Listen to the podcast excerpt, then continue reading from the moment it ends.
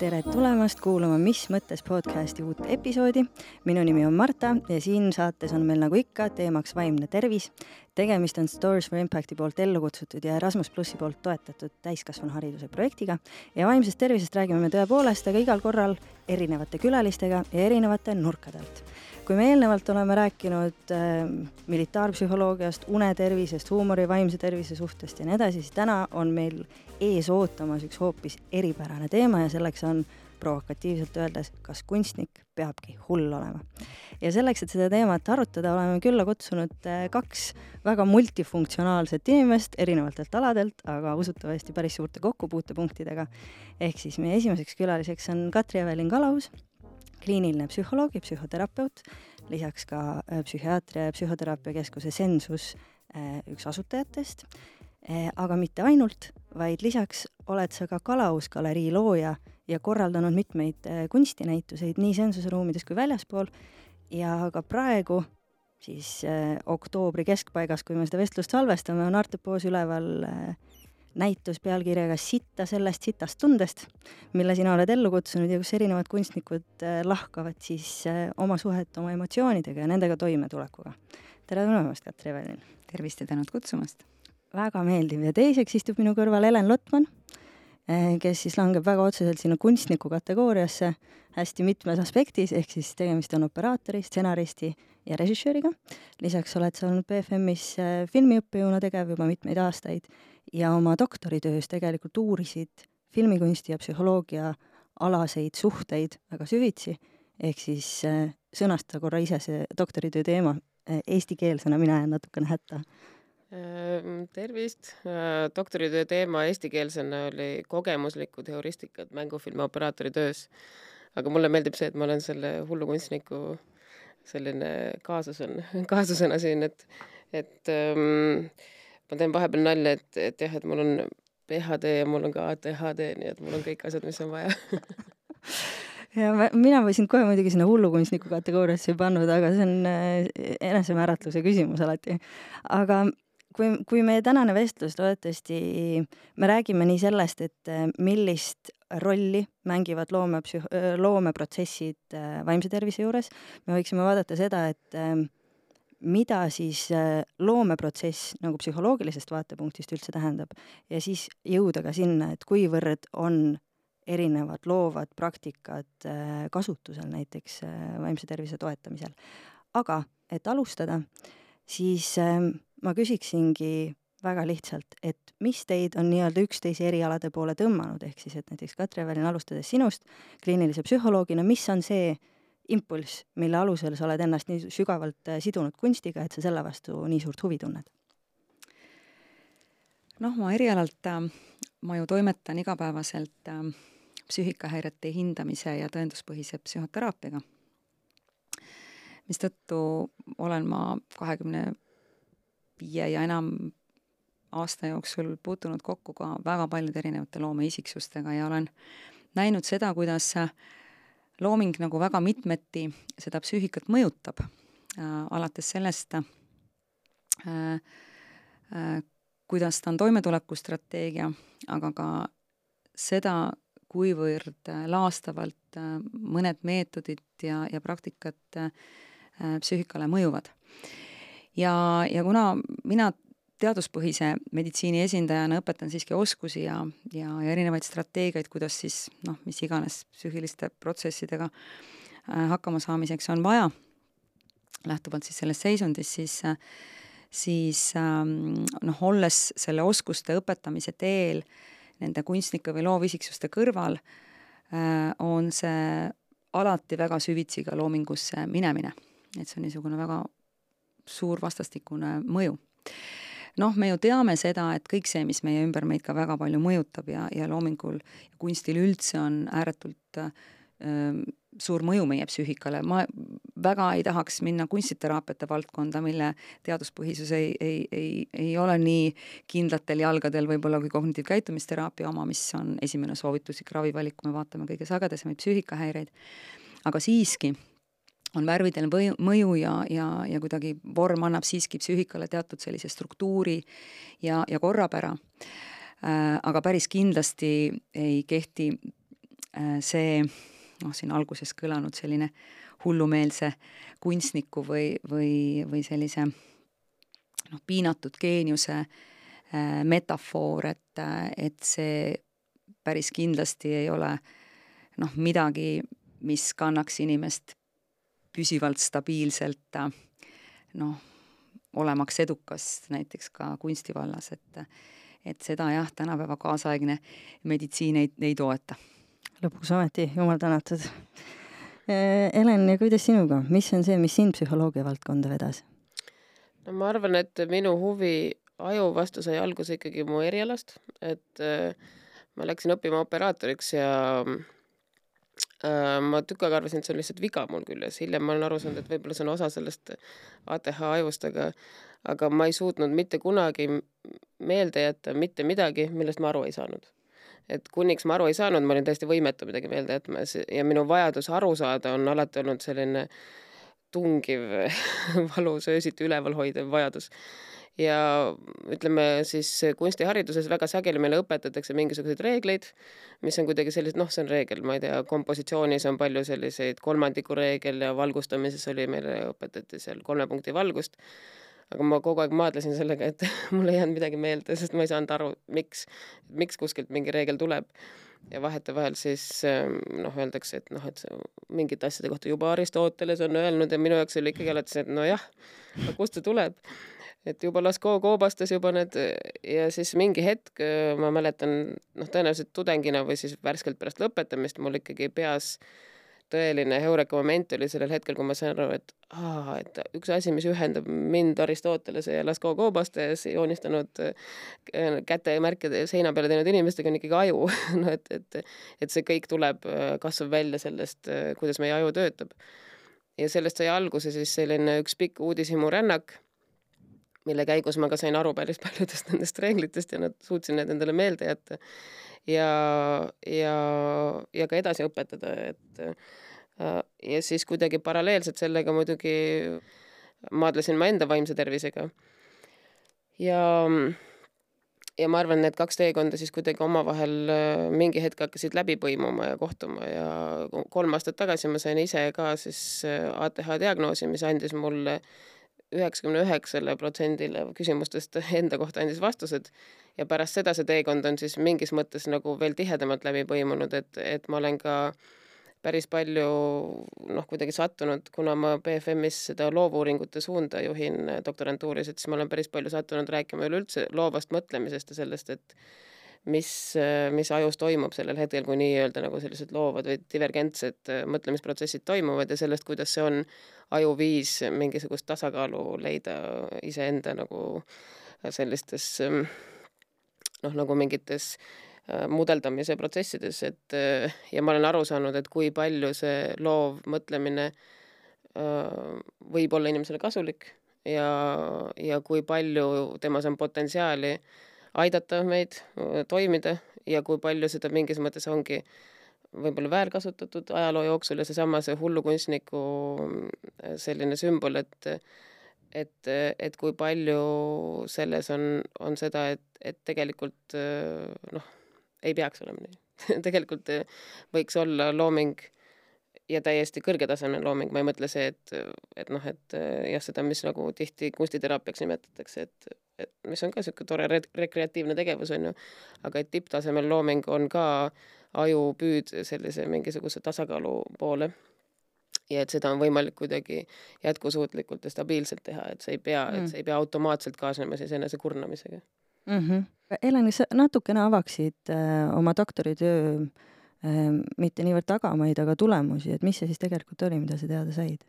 Jah, ma teen kogu aeg sel teemal nalja, et selle doktoritöö pealkiri tegelikult oleks võinud olla, et asjad, mis Helenit huvitavad, et ta oli mitmes mõttes laiali äh, valguv, aga fookus oli siis selles, et ma üritasin operaat-, operaatori tööd, peamiselt mängufilmi operaatori tööd siis erinevate nurkade alt vaadata. üks nurkadest, mida me siis vaatlesime läbi kolme teadusartikli, millest ka kahe kaasautorid olid siis Ander Uusberg ja tema kolleegid Tartu Ülikoolist, oli see, kus me üritasime mõista et milline on seos vaataja siis sellisel tegelasele kaasaelamisel läbi näoilmete peegeldamise ja sellel, kuidas on tegelase nägu valgustatud, et minu hüpotees oli äh, algas sellest, et noh, võib-olla vaataja on ka sattunud märkama, et, et sageli filmides on selline asi, et sellised dramaatilisemad filmid, õudusfilmid, trillerid ähm, ja ka lihtsalt draamafilmid, et nende valgus on hästi palju ruumilisem ja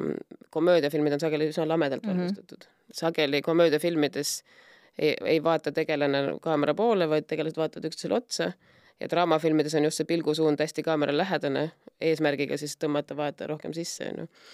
ja noh, sellest võib oletada, et ju see on see, et, et need filmid, mis vajavad nagu seda, et vaataja täielikult sukelduks sinna filmi, et nendel, mida ruumilisem valgus, mida ruumilisem kaameratöö, seda rohkem see juhtub. Mm.. ja noh, komöödiafilmidel või noh, siis sellised prehtilikud filmid nagu Roy Anderson ja Wes Andersoni filmid, mis on hästi kuidagi nagu staatilised ja tehtud kuidagi niimoodi, et vaatajale kogu aeg meelde tuletada, et see on film, ära trügi siia, see on film. et noh, nende puhul on siis eesmärk kuidagi mingisuguseid teisi protsesse kaasata no ma ei tea, komöödia puhul võib ju oletada seda, et palju lõbusam on teiste üle naerda, kui ise naerualane olla, et siis on selline teatav distants tegelaste suhtes on, on kasulik ja siis sellest tekkis siis huvi, et tahaks näha, et kas see, kui inimese noh, kõigepealt algne küsimus oli laiem, et kui valgus on ruumiline, et kuidas see mõjutab siis seda vaataja seal kohaloleku tunnet, aga siis me jõudsime selleni, et üks võimalus seda katsetada on portreevalgus. et äh, on olemas selline teooria nagu siis inglise keeles on see facial feedback teooria, et et mida tugevamalt me empateerime kellegagi, seda rohkem meie näo süvalihased siis liiguvad kaasa või nagu peegeldavad seda emotsiooni, et kui sina naeratad, on ju, et siis kui ma, kui mul on sinuga tugev empaatiatunne, et siis ma naeratan kaasa ja see ei pruugi otseselt välja paista, aga neid näolihaseid on võimalik mm -hmm. mõõta ja siis äh, tegime siis sellise eksperimendi, et kui on äh, kolm naisnäitlejat olid meil siis, kes tegid kolme erinevat näoilmet ja olid siis valgustatud kas lamedas valguses või ruumilises valguses ja siis vaatasime, et kas seal on mingisugune erinevus sellel, kuidas, kuidas vaatajad siis, kes seda vaatasid, mõõtsime nende näolihaseid, äh, näolihaste siis seda peegeldamist, et, et kas siis kuidagi kuidagi on mingisugused erinevused, et see oli üks osa ja sealt noh, ütleme niimoodi, et nagu teaduses ikka, tavaliselt kui sa hakkad vaatama, siis, siis sa tead, et oi, et ma tegin siit ühe ukse lahti, aga seal on veel üks uks veel ja peaks veel sügavamale minema. Et, et need tulemused ei olnud nii üks-üheselt selged, nagu ma arvasin, aga nad olid väga huvitavad, et ja noh, mingis mõttes ka loogilised, et, et naeratamise puhul siis see oli nähtav, see erinevus, et mida ruumilisemalt oli nägu valgustatud, seda tugevam oli siis see näomimikri, aga huvitaval kombel näiteks vastikustunne, seda mõõdetakse siis nende et see naeratuse puhul on see süglomaaticus major, need lihased, mis on põskede peal, on ju, aga vastikustunde puhul on siis nina küljelihased, on ju. Mm. Et siis vastikustunde puhul, et kui nägu, ekraanil nägu väljendas vastikust, onju, et siis hoopis vaatajal käivitusid naeratuse nagu, et see ajas naerma, onju, mitte ei tekitanud nagu seda mimikrit, onju et noh, et sealt, et nende eksperimentide tulemusena võiks öelda, et, et on veel palju huvitavat, mida võiks uurida veel mitme doktoritöö jagu seal onju. et see oli üks osa sellest äh, tööst ja siis teine osa oli see, mis on rohkem selline loovuurimuslik komponent, kus ma uurisin siis seda, sealt tuleb ka see doktoritöö pealkiri, need kogemuslikud heuristikad on siis sisuliselt see, et kuidas inimese kogemused mõjutavad seda, kuidas ta töötab operaatorina, et meil on väga sageli see, et noh, ma arvan, et täpselt samamoodi ka kliinilise psühholoogi puhul on see, et et kui vaadata hästi eemalt, siis on võimalik seda ametit lihtsalt kirjeldada, no see ameti nagu kirjeldus on selline, selline ja seda tehakse nii ja nii. aga mida lähemalt vaadata, kui vaadata ühe indiviidi tasandil, siis me näeme, kui palju inimese selline kogemuste pagas mõjutab seda, kuidas ta mingisugust konkreetset asja teeb, kuidas ta läheneb ähm, äh, ja noh, ütleme loovatel erialadel on hästi-hästi oluline teema on nagu mida eesti keeles me nimetame neid vaiketeadmisteks, et teadmised, mis on meil sees olemas, aga me ise, me neid nagu teadmistena ei adu, et me mm -hmm. teeme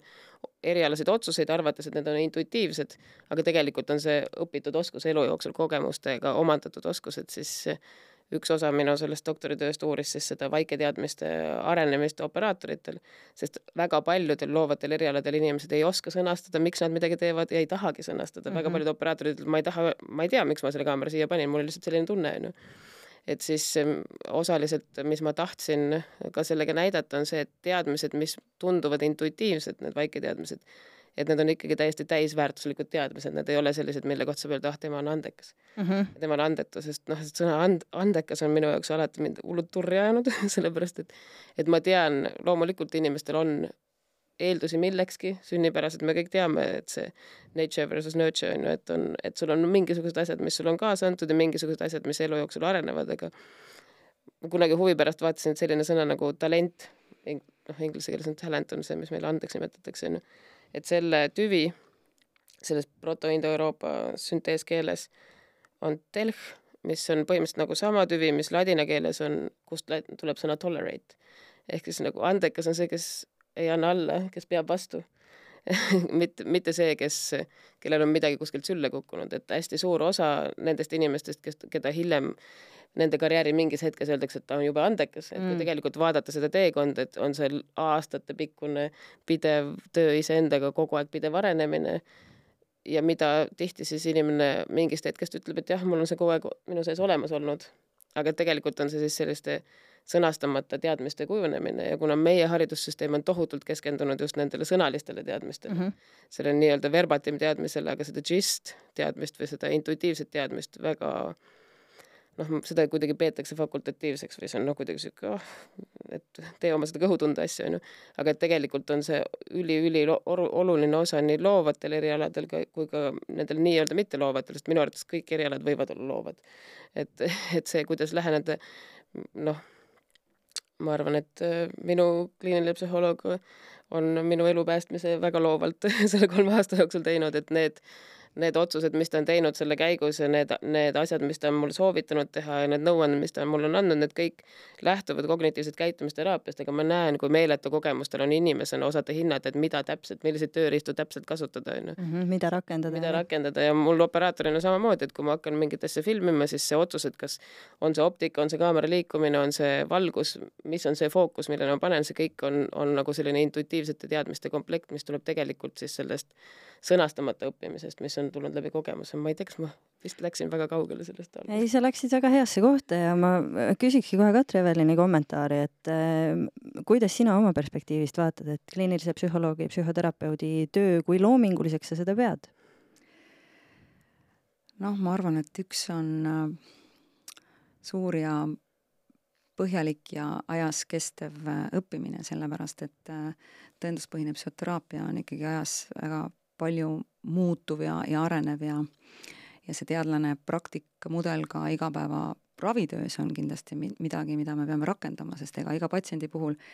me ei diagnoosi, vaid me esmalt püstitame siiski hüpoteese, mille alusel me paneme paika kogu uuringu ja planeerime selle järgi siis ravi. ja ega see ravi, kuigi tõenduspõhine, peab see valik olema, kuidas ta teisiti saakski olla, on siiski vormitud sinna teraapia kunsti ja, ja seal tuleb mängu loomulikult ka selle sama terapeudi äh, loomingulisus ja, ja oma isiklik äh, kogemus äh, äh samamoodi mis seda äh, teraapiaprotsessi mõjutab, aga noh, kui me vaatame teadusuuringuid, siis kõige tähtsam on siiski see meetod, mida me rakendame, rakendame mm., isegi sellel keskkonnal natukene vähem tähtsust, aga aga mitte ka täiesti olematult vähe, et väga põnevaid teadusuuringuid on tehtud noh,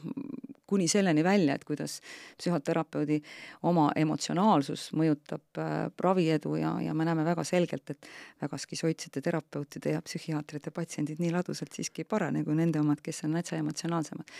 noh, see kõnetab ka seda viimast näitust Startup Poos, et sitta sellest sitast tundes, sest äh, negatiivsed emotsioonid tasub rahule jätta, toimetada ülesandega edasi, aga terapeut teeb täpselt sedasama äh, asja aga mulle hästi meeldis see, see arutelu, eriti see, see see äh, nagu lõpuosa, et,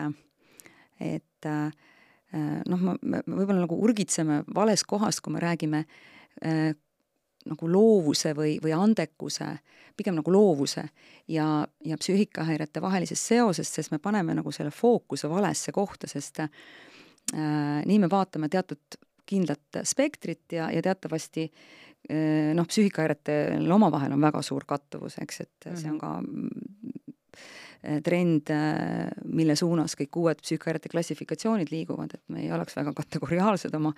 oma seisundi ja muude psüühikahäirete hindamisel, vaid pigem ikka dimensionaalsed, ehk siis psüühikahäirete vahel on väga suur kattuvus, mistõttu ka, ka nagu loovusel ja andekusel ja teatud psüühikahäiretel on väga suur kattuvus. Aga, aga päris kindlasti see niisugune irratsionaalne arusaamine, et et inimesed, kellel on häiritud psüühika, et nad oleksid loovamad või, või nad oleksid mm, noh, ajas nagu edukamad ja nad oleksid seda stabiilselt, on täiesti irratsionaalne et kui me vaatame ka ajaloost, noh, ma ei taha siin väga kedagi nimetada, sest, sest meie valdkonnas on üsna ebaeetiline kommenteerida kellegi psüühikat, isegi siis, kui ta on ammu aega tagasi surnud, aga noh, me teame mõningaid kunstnikke, eks ole, kes on oma eh, elu lõpetanud tuntud psühhiaatriakliinikutes ja, ja, ja loonud suurepäraseid teoseid, mida me käime maailmakuulsates muuseumides äh, uudistamas. Ei ole neid teoseid kindlasti loonud sellel ajal, kui nende seisund on olnud väga halb mm eks, et vaid pigem ikka, ikka sellel ajal, kui see psüühikahäire ei ole olnud nii akuutne, ta on olnud remissioonis, tal on natuke niisugune kergem äh, sümptomite mõttes mõõdukam äh, periood, sest äh, kui psüühika on väga häiritud, siis me loomulikult ei suuda keskenduda, me ei suuda ähm, tegevustki alustada, rääkimata -hmm. sellest, et, et selles tegevuses püsida või, või, või see nagu noh, mõistlikult ära lõpetada, et et väga häiritud psüühika ei ole kindlasti midagi niisugust, mille pinnalt saab noh, luua väga häid asju ja, ja pikalt mm. -hmm aga kui nüüd niimoodi provokatiivselt küsida, et mida uuringud on näidanud, kas äh, loominguliste inimeste seas on äh, vaimse tervise, ma ei tea, probleemide, väljakutsete, eripärade esinemine kuidagi kõrgem kui äh, muus populatsioonis? no selle, seda ma tahtsingi nagu mainida, et, et, et kui me niimoodi nagu küsime mm, -hmm. eks, et siis võib-olla me selle lähteülesande uuringuks natuke äh, fikseerime valesti, sellepärast et äh, me ei saa kogu äh, psüühika toimimise mehhanisme ja, ja, ja mitmekesisust äh, ühes uuringus ju arvesse võtta mm. -hmm. eks ju, et me, me alati ju küsime millegi konkreetse kohta, jättes muud asjad sellest äh, uurimisringist äh, välja, et et pigem, kui me räägime äh, edukusest ja, ja andekusest ja loovusest, siis me kindlasti peaksime hindama ka, ka noh, niisuguseid toimetulekuressursse ja ja, ja noh, niisugust äh, stabiilsust psüühikal, et, äh, et mitte ainult seda, et äh, teatud psüühilised probleemid noh, seostuvad loovusega paremini, selle, nagu ma ütlesin, et, et kui, kui inimene ikkagi ei funktsioneeri täisväärtuslikult ja, ja, ja kui ta mõtisklemise sisu ja protsess ja emotsionaalne seisund ja käitumine on väga häiritud, noh siis ta ei loo mitte midagi, eks mm. -hmm. et küll äh, psüühikahäired lainetavad, eks ole, noh seisundihäired, ärevus- ja meeleoluhäired, mida siin noh, kuulsatel kunstnikelgi oletati või oletatakse olnud, eks, et et niisuguseid bipolaarseid meeleoluhäireid või, või maniakaaldepressiivset niisugust äh, psühhootilist seisundit, siis ega nende häirete puhul on aeg-ajalt selliseid perioode, kus inimene funktsioneerib päris toredasti ja ja, ja sellel perioodil üldiselt inimesed loovad küll kindlasti, eriti maniakaalsetel perioodidel, kus see mõttekäik on kiirem ja võib-olla noh, fantaasia lendab paremini ja, ja uni on äh, vähesem ja, ja energiatulv on, eks mm -hmm. ole, et mhm. loomulikult inimesed loovad väga palju ja võib-olla väga kiiresti ja väga ägedaid asju, eks, et aga aga samas seal väga depressiivses perioodis, kus, kus enesetunne on kohutavalt kehv, motivatsioon, energianauding väga, väga alanenud, eks ole, väsimus, kurnatus väga suur noh, ega nad väga ei loo, ehk siis me ei saa nagu üleüldistada mm, -hmm. et, et kuidagi äh, äh, psüühikahäired toetaks kuidagi loovust. ja samamoodi ma arvan, et, et, et need tehtud uuringud, mida ma ise olen jälginud, et nad on väga selektiivselt teatud omadustele nagu keskendunud mistõttu me ei saa tõmmata paralleeli äh, häiritud psüühika ja andekuse vahel, aga kindlasti äh, äh, loovisiksustel teatud tüüpi seisundihäireid võib-olla noh, esineb rohkem, kui me räägime äh, ma ei tea, depressioonist või ärevushäiretest, eks ole, kui me võtame mingi kindla äh, hulga, eriti selliseid noh, abstraktselt loovaid inimesi, me ei räägi siin arhitektidest, me räägime pigem ikkagi siin noh, kunstnikest ja, ja muusikutest, eks ole, kus noh, keda selles äh, fookuses on võib-olla rohkem uuritud, aga aga, aga jah, et Äh, psüühikahäire ja, ja, ja loovuse vahele paralleeli ei tohi tõmmata, see on kindlasti irratsionaalne ja, ja, ja vale ja, ja öelda, et teatud loovisiksuste hulgas teatud psüühikahäireid alati ja igal pool hinnatuna esineb sagedamini, ma ei ole ka sellega päris päri mm. -hmm arusaadav, mulle tundub, me oleme väga kiiresti ära vastanud selle tänase saate küsimuse, et äh, kui me püstitasime selle, kas kunstnik peabki hull olema, siis vastus on ei. ei, parem on, kui ei ole. aga kui me äh, võtame korra, et millest selline uskumus või selline mõte kujunenud on, mis te seda, mis te selle kohta kommenteeriksite? no mulle tundub, et, et noh, et mis seal noh, mida me saame võib-olla öelda, on mingisugused äh,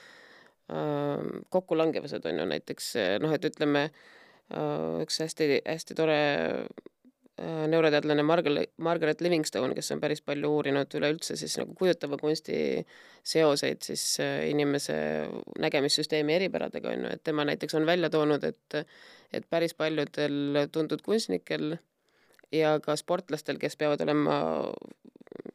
täpselt sihtima mm -hmm. sellistel spordialadel, et nendel on see üks nii-öelda laisk silm, on ju. Mis, et tema, isegi Rembrandti puhul ta seal vaatas, et, et nende Rembrandti autoportreede puhul on näha, et üks silm vaatab natuke mujale, on ju. Ja tema hüpotees on siis see, et see, see otseselt ei viita noh, kindlasti sellele üldse mingit seost psüühikahäire, häirega, see on konkreetselt siis mingisugune füsioloogiline eripära, on ju aga et äh, tema hüpotees on see, et võib-olla juhul, kui inimese sügavustaju selle binokulaarse disparaatsuse puudumise tõttu on mm. natukene kehvem, siis ta selle tõttu on rohkem hakanud märkama monokulaarseid sügavustunnuseid ja selle tõttu on ta välja arendanud siis endal mingisuguse parema sügavustaju, on ju. Mhm. et, et noh, et me saame nagu nii-öelda nii nagu kuidagi vaadelda seal, et, et võib-olla siis mingisugused spetsiifilised loovad erialad, mitte üleüldine loo-, üleüldiselt loovus, vaid spetsiifilised loovad erialad tõmbavad siis ligi mingisuguseid inimese eripärast siis lähtuvaid öö, öö, oskusi. ja noh, võib-olla üks asjadest ka, mis, mida noh, et kui mõelda üleüldse, noh näiteks kui ma mõtlen enda peale, et kuidas ma sattusin filmi, et ma olin selline rahutu, paigal püsimatu, palju probleeme tekitav teismeline. Ja, ja tagantjärgi vaadates võib-olla oli kino ainus koht, kus ma püsisin paigal. Et võib-olla see oli ainus koht, kus, kus miski suutis mu tähelepanu hoida, sest näiteks isegi teater, mul teatris oli alati see probleem, et äh, ma ei saanud aru, et äh, need papist põõsad nagu mul nagu päris usutavad ei olnud, onju, ja siis alati, kui seal teatris tuli väikse astub siis üks näitleja teisega näiteks sinna lava servale ja siis vaatab üle publiku ja siis ütleb, et näe, poeg, see jõekäär seal ja siis mina olin nagu see, et siin ei ole jõekääru, meie istume siin. et ma ei suutnud kunagi, et ma, ma mäletan üks etendus, mis me vaatamas, vaatamas käisin, oli see Minu Veetlev Leedi muusikal operett vist oli ta siis ja siis see, see, kus Eliza Doolittle viskab sussiga oma meest, et siis üks see etendus, mis ma nägin, seal lendas suss kogemata viiulisse sinna orkestriauku ja ma mäletan, et see oli üks hetk, kus ma tundsin, et oh, päris asi juhtus et, et, et selgelt tagantjärgi vaadates mul oli raske, raskusi keskendumisega, sest mulle tundusid kõik muud asjad huvitavamad kui see, mis seal parasjagu toimus. ja film oli selline vorm, mis suutis minu tähelepanu hoida ja sellest siis tõenäoliselt kasvas välja see tunne, et ma tahaks teistes inimestes ka tekitada sedasama tunnet, mis minus oli või noh, kuidagi film tundus maagiline ja siis ma hakkasin filmi poole püüdlema. Aga alati see, et sind mingi asja poole püüdlema, ütleb, ei tähenda noh, et ütleme, filmi vaatamine ja filmi tegemine on kaks väga-väga erinevat asja. nii et meil võivad sattuda filmivaldkonda inimesed, kes, kes on filmi armunud kunagi vaatajana, kes ei pruugi täpselt aru saada, kui ebastabiilne ja kui raske ja kui väsitav on tegelikult töö filmi tegijana, on ju, ja siis et seal võib juhtuda siis selline olukord, et, et et see vaimne stabiilsus ei ole piisav, et püsida selles valdkonnas pikalt, on ju, sest see lihtsalt on väga-väga kurnav valdkond aga, aga, aga noh, mingil määral mulle natukene tundub, et võib-olla lihtsalt selle tõmbe poole, tõmbe tõttu siin sellistesse valdkondadesse me võime öelda, et noh, David Eagleman on üks äh, teadlane, kes äh, on väitnud sellist asja, et et nagu, et me, et meie kriminaalsüsteem äh, nagu ei, valdavalt ei tegele mitte retsidiivsuse vältimisega, mis ta peaks olema, vaid tegeleb siis nagu selle ühiskonna Äh, kättemaksuhimu rahuldamisega, on ju, et kui keegi on midagi valesti teinud, me tahame, et tal oleks halb, on ju. aga samas see on väga tugevalt seotud nagu siis antud hetke teadusliku sellise, ma ei tea, diagnostilise võimekusega, on ju, et mõned sajad aastad tagasi, kui, kui keegi veel ei teadnud, mis asi on skisofreenia, siis, siis inimesed, kes äh, said kuriteoga hakkama, kes tõenäoliselt olid diagnoosimata skisofreenikud, said karistuse. nüüd praegusel hetkel me oleme olukorras, kus me oleme juba võimelised ütlema, et, et see inimene peaks saama ravi, mitte karistuse, on ju ja, ja Iigelmann siis väidabki, et, et mingil määral me, me peaksime, meie kriminaalsüsteem peaks kogu aeg liikuma kaasa nagu selle diagnostilise võimekusega, et me peaksime aru saama, et, et väga suur hulk inimesi eelkõige vajavad abi ja tuge, mitte karistust, on ju. ja siis kokkuvõttes noh, ta ütleb, et, et mingil määral juba kriminaalne käitumine iseenesest ongi ju märk sellest, et et midagi seal võib-olla natukene on nagu neurodivergentset, on ju. ja nüüd ma siin teen niisuguse väga suure hüppe ja seostan selle, et inimesed, keda tõmbab siis loominguliste valdkondade poole, mis on üldiselt suhteliselt ebastabiilsed iseenesest juba ametid, on ju, et, et see võib olla mingi märk sellest, et nad on, et nad ei ole neurotüüpilised inimesed, on ju, sest, sest mulle tundub, et et neurotüüpilise inimese jaoks näiteks filmitegija elu on nõudus. on absurd sa ei tea ette nädala pärast, mis su elus juhtub, sul ei ole ette planeeritud puhkust, sul ei ole mingit sisse, kindlat sissetulekut, see kõik nagu tundub nagu lõputu õudus. paljud inimesed küsiksid äh, küsiksid mitte ainult filmitegija, aga üldse kunstniku elu puhul on ju seda, et miks te endale nii teete, aga ja näiteks minu jaoks mhm. tundub õudne see mõte, et ma tean täpselt ette, millal mul puhkus on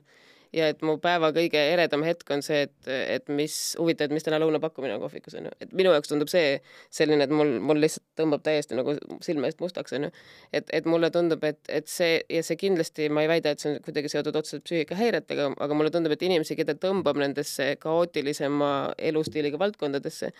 et nende puhul siis see seos, miks nad on sinna läinud, võib olla seotud kas vahetult siis selle loomingu kogemisega, nagu minul mm -hmm. juhtus filmiga, või siis sellega, et see elustiil kuidagi klapib nende enda toimimisega paremini. nüüd e, aga tagasi tulles selle elust, elustiili siis nagu stabiilsuse ja ebastabiilsuse juurde on see, et, et kindlasti minu arust ei tohiks nagu see võrdusmärk olla selline, et kui sa oled selle tee valinud, et siis järelikult noh, et su ainus võimalus ongi ennast haigeks töötada, on ju, et, mhm. et, et mulle tundub, et see et ükskõik, kas inimene on, on, on neurotüüpiline või, või neurodivergentne, et siis kokkuvõttes alati eesmärk peaks olema see, et, et elada kvaliteetset head elu, on ju, see peaks alati. teid kuulates mul tekib see mõte, et Kulka võiks hakata andma välja ikkagi aastapreemiat ka vaimselt kõige stabiilsemale kunstnikule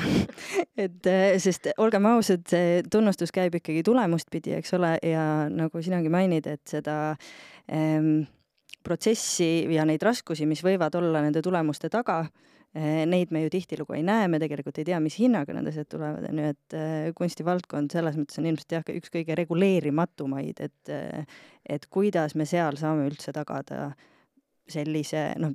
ma ei tea, töö ja puhkeaja seadusestki kinnipidamine, noh, et töö ja puhkeaja seadus on loodud mingisuguse loogika alusel, eks ole, hinnates seda, mis on tervislik töötamise viis, selge see, et töö ja puhkeaja seadusest enamik inimesi, kes töötab kunstivaldkonnas, ilmselt pole kunagi kuulnudki, rääkimata sellest, et nad käiksid kunagi töötervishoiuarsti juures näiteks, et inimesed on enda tööandjad, et noh, see on kõik selline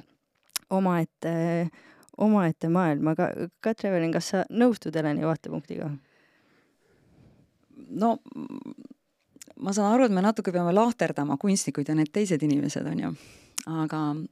me, aga tingimata aga me ei pea, me võime sellega korra arvan, lahti võtta. ma arvan, et me isegi nagu ei, ei saa, võib-olla ka nagu ei mm, -hmm. ei tohiks, sellepärast et et äh, ega äh, isiksus, mis on suuresti kaasasündinud äh,, tuleb meiega igale poole kaasa ja veelgi äh, rohkem, kui, kui mingi kunstiteos sünnib, noh, ma ei tea, mingitest inimeste ideedest, ähm, tema mingisugusest psüühilisest eripärast, sünnib ta siiski nagu kogemusest, mis äh, meie äh, eluteele on, on sattunud või, või, või mida ma ise siis läbi selle, kuidas ma oma isiksuslike vajaduste või haavatavustega läbi elu toimetan, olen endale tekitanud, eks et, et mitte siis psüühikahäire, pigem nagu kogemus on see, mida, mida tuleks nagu vaadata ja koos isiksusliku eripäraga mm. -hmm. ja siin on küll väga selge ja valdkondadeülene tendents, et, et kui me vaatame neid inimesi, kes on edukad ja, ja mitte ainult edukad loomingulises valdkonnas, vaid, vaid ükskõik, ma ei tea, noh, kuigi kokk on ka suhteliselt loominguline valdkond, aga no ma ei tea, poliitik või ärimees, eks mm, -hmm. siis äh, need inimesed kannavad teatud ühiseid isiksusomadusi ja, ja mul on olnud väga-väga suur rõõm noh, erialaselt töötada, aga ka intervjueerida mitme oma näituse äh, raames äh, erinevaid ja väga edukaid kunstnikke. ma siin nimesid ei, ei nimeta, kõik saavad neid, neid ähm, äh, Youtube'is vaadata, mis olid äh, sellel näitusel haiguste ravi kontrollitud Vaalas paar aastat tagasi ja, ja, ja ka praegult emotsioonide regulatsioonile pühendatud selle Saartepoo näitusel, see Sita sellest sitast tundest kunstnikega, et äh, edukad äh, kunstnikud on ilmselgelt meelekindlamad ja nad on ilmselgelt äh, kõrgelt sundisiksuse joontega. ja, ja nüüd me peame jälle kogu aeg arvestama sellega, et, et äh, ei saa panna ühelegi isiksuse omadusele, nii nagu ühelegi psüühikahäirele kõrvale nagu plussi või miinust, et noh, et üks on õu-, noh, see õudselt halb ja isiksus ja teine on nagu õudselt äge, äge isiksus, vaid, vaid teatud olukordades seesama isiksuse omadus teeb meid väga kohanevaks ja funktsionaalseks, ehk siis ta, ta on ääretult vajalik ja mõnes teises olukorras see sama isiksuse omadus on meie Achilleuse kand mm. -hmm. ja kui ma vaatan neid väga tublisid, tuntud, hästi müüvaid, noh, me rääkisime sellest, et mm -hmm. noh, lõppkokkuvõttes peab kunstnik ennast siiski ka ära elatama, on ju. kui me vaatame neid kunstnikke, siis nad on hästi kõrgelt anakassed. Nad on kohusetundlikud, nende jaoks kordreeglid, plaanid on väga tähtsad, eks ole, nad, nad, nad tahavad ette teada, mis juhtub tänu sellele nad on võimal-, võimelised ennast äh, saavutust silmas pidades kokku võtma ja need on ka need kunstnikud, kes üldiselt ütlevad, et, et andke mulle see näitus, andke mulle see kuupäev ja tähtaeg, ma võtan ennast kokku. noh, filmirežissööridega käib sama asi, nad, nende töö on hästi, mul on ka mitmeid häid ähm, noh, minu, minu klientide hulgas, et te, te töötate ju väga nagu, nagu periooditi, on väga intensiivsed võtteperioodid, eks ole, et ja need perioodid nendele anakassetele on superperioodid tähelepanu on endalt ära, ülesande juures, enesetunne on äh, parem, nad on väga motiveeritud, kõrge energiaga toimetavad, eks ole. see ei ole mingi probleem. aga see, mis pärast juhtub, on probleem sellepärast et töömällu jääb auk ja kui sa oled väga anakast ja kohusetundlik, siis noh, millega see kuramuse auk täidetakse, see täidetakse müraga, nad juurdlevad ja muretsevad, see häirib enestunnet, keskendumistund, eks ole, siis nad ei maga, siis nad on kurnatud, siis tuleb paha tuju sinna otsa, siis motivatsioon, energia, nauding alanevad, et ja, ja noh, siis nad üldiselt, kes on tublid ei jäta ennast üksi, vaid tulevad, küsivad äh,, küsivad abi, eks, et ja, ja see ei ole mingi loovisiksuste eripära, see on see, kuidas psüühika töötab mm. -hmm. ja, ja ma ei tea, kahjuks või õnneks psüühika ikkagi, ikkagi kõigil inimestel töötab üht ühtviisi? Äh, mul kohe haakub sellega Tšehhovi tsitaat, et et iga loll saab kriisiga hakkama, näidake mulle inimest, kes tavaeluga hakkama saab. Et see on nagu minu arust meie valdkonnas on see täpselt niimoodi seesama, mis sa nimetasid, täpselt see, et kui sa hommikul ei pea mõtlema, mis kell ma kus kohas olen, vaid saad kohe tegeleda sellega, mis, mis, mis sind huvitab, onju et see on noh, et ma olen alati, kui kui on nii-öelda selline olukord, mis on nagu kriis, on ju, tunnen ennast tippvormis, aga see, kui see lihtsalt on tavaline hommik ja sa pead otsustama, et kas ma lähen hambaid pesema praegu või viie minuti pärast, siis see lihtsalt liiga keeruline nagu liiga palju otsuseid päeva jooksul. et see mobiliseerituse aste on tegelikult see, mis tunned toetabki su toimimist. jah, ja mulle tundub, et üks, üks huvitav asi veel, see, sellesama nõudlikkuse osas, mis on minu arust hästi huvitav teema et noh, et see, et kui see nõudlikkus on suunatud kuskile loomingusse, siis see ei ole pöörd-, noh, et siis ei lähe sinu enda vastu, onju. et mina seda ATH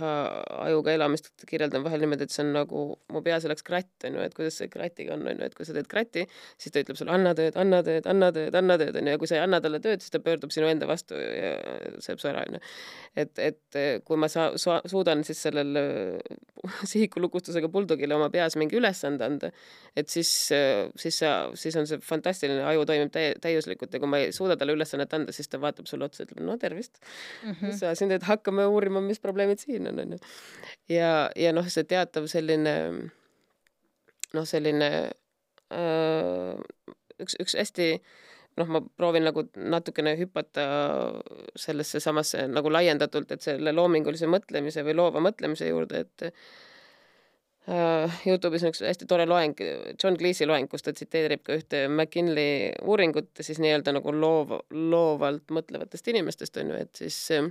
et üks asjadest, mis ta rõhutab, on see, et see divergentne mõtlemine või siis nii-öelda nagu uute, uute seoste loomine asjade seoste vahel, mida varem ei ole veel loodud, et see ei ole et see on oskus, et see on nagu harjutatav oskus, et see ei ole selline asi, et sul, kas see on antud sulle või mitte, vaid see on mingisugune oskus viia ennast sellesse meeleseisundisse et igapäevaselt nagu oma tavalises toimetamises me oleme pigem selles nagu konvergentses meeleseisundis, et meil on mingi hulk asju, mis on vaja ära teha, mingi to-do list, millest me nagu läbi jookseme, tahame kuidagi õhtuni jõuda, onju. võtame korra selle divergentse ja konvergentse mõtlemise ka terminitena lahti, sest et äh, nojah, et ütleme, et üks on selline avatud, kus sa oled uudishimulik ja mänguline ja vaatad, kuhu, kuhu tee viib, onju. ja teine on selline eesmärgistatud, et ma tahan kusagil midagi ära lahendada ja õhtuks voodisse jõuda, onju. Mhm. et siis, et, et üks nendest asjadest, mis siis seal McKinley uuringus välja tuli, tuli, oli see, et, et need nii-öelda siis loovamad ja see ei puuduta siis ainult siis klassikalisi looverialasid, mõtlevad inimesed on need, kes ei taha, ei tee seda otsust liiga kiiresti ära, et kui me oleme selles, tahaks oma to-do listist läbi saada seisundis, on ju, et siis me tahame lihtsalt kuidagi asjad ära lahendada ja mis me sageli teeme, on see, et kõige esimene mõte, mis pähe tuleb, see siis nagu läheb, on ju. Aga, aga selliseks loovaks või uutes, uusi seoseid loovaks mõtlemiseks on vaja, on vaja seda, et sa ei võtaks kõige esimest mõtet, sest kõige esimene mõte on kõigil samasugune, vaid et sa läheks järgmisesse ja läheksid järgmisesse, järgmisesse läheksid rohkem süvitsi, on ju et mingis mõttes siis sellest uuringust nagu tuligi välja see, et, et loo, nii-öelda loovad mõtlejad on need, kes suudavad kauem püsida selles ebamugavustundes, et ma ei tea, mis ma teen. Et see, et äh, nüüd hakkan ruttu lahendama, et see on nagu selline, sellega saab päeva ilusti õhtusse, onju. Aga et kui sa oled oma ükskõik kas siis filmi või, või maali või, või mis iganes teose ees seisad, onju, et sa suudad kauem püsida selles, et ma ei hakka kohe, kohe seda kõige esimest ideed rakendama, vaid ma ootan, kuni tuleb järgmine, järgmine, mis noh, mingis mõttes on huvitav, et see mingil määral ütleb, et režissööri töö ongi olla ebamugav et su töö ongi mitte rahulduda kõige esimese mõttega, et sa pead, et sa mhm. pead olema seda tüüpi inimene, kes suudab kauem püsida selles, et ma täpselt ei tea veel, mis ma teen, selles ebamäärasuses on ju. ja, ja see noh, et paljudele inimestele lihtsalt äh, tekitab niivõrd suurt ebamugavustunnet, et nad ei taha seda tunnet tunda, onju ja, ja, ja noh, et mulle tundub, et, et kui, et, et sa, et noh, et kui, kui me räägime sellest loova mõtlemise ja, ja siis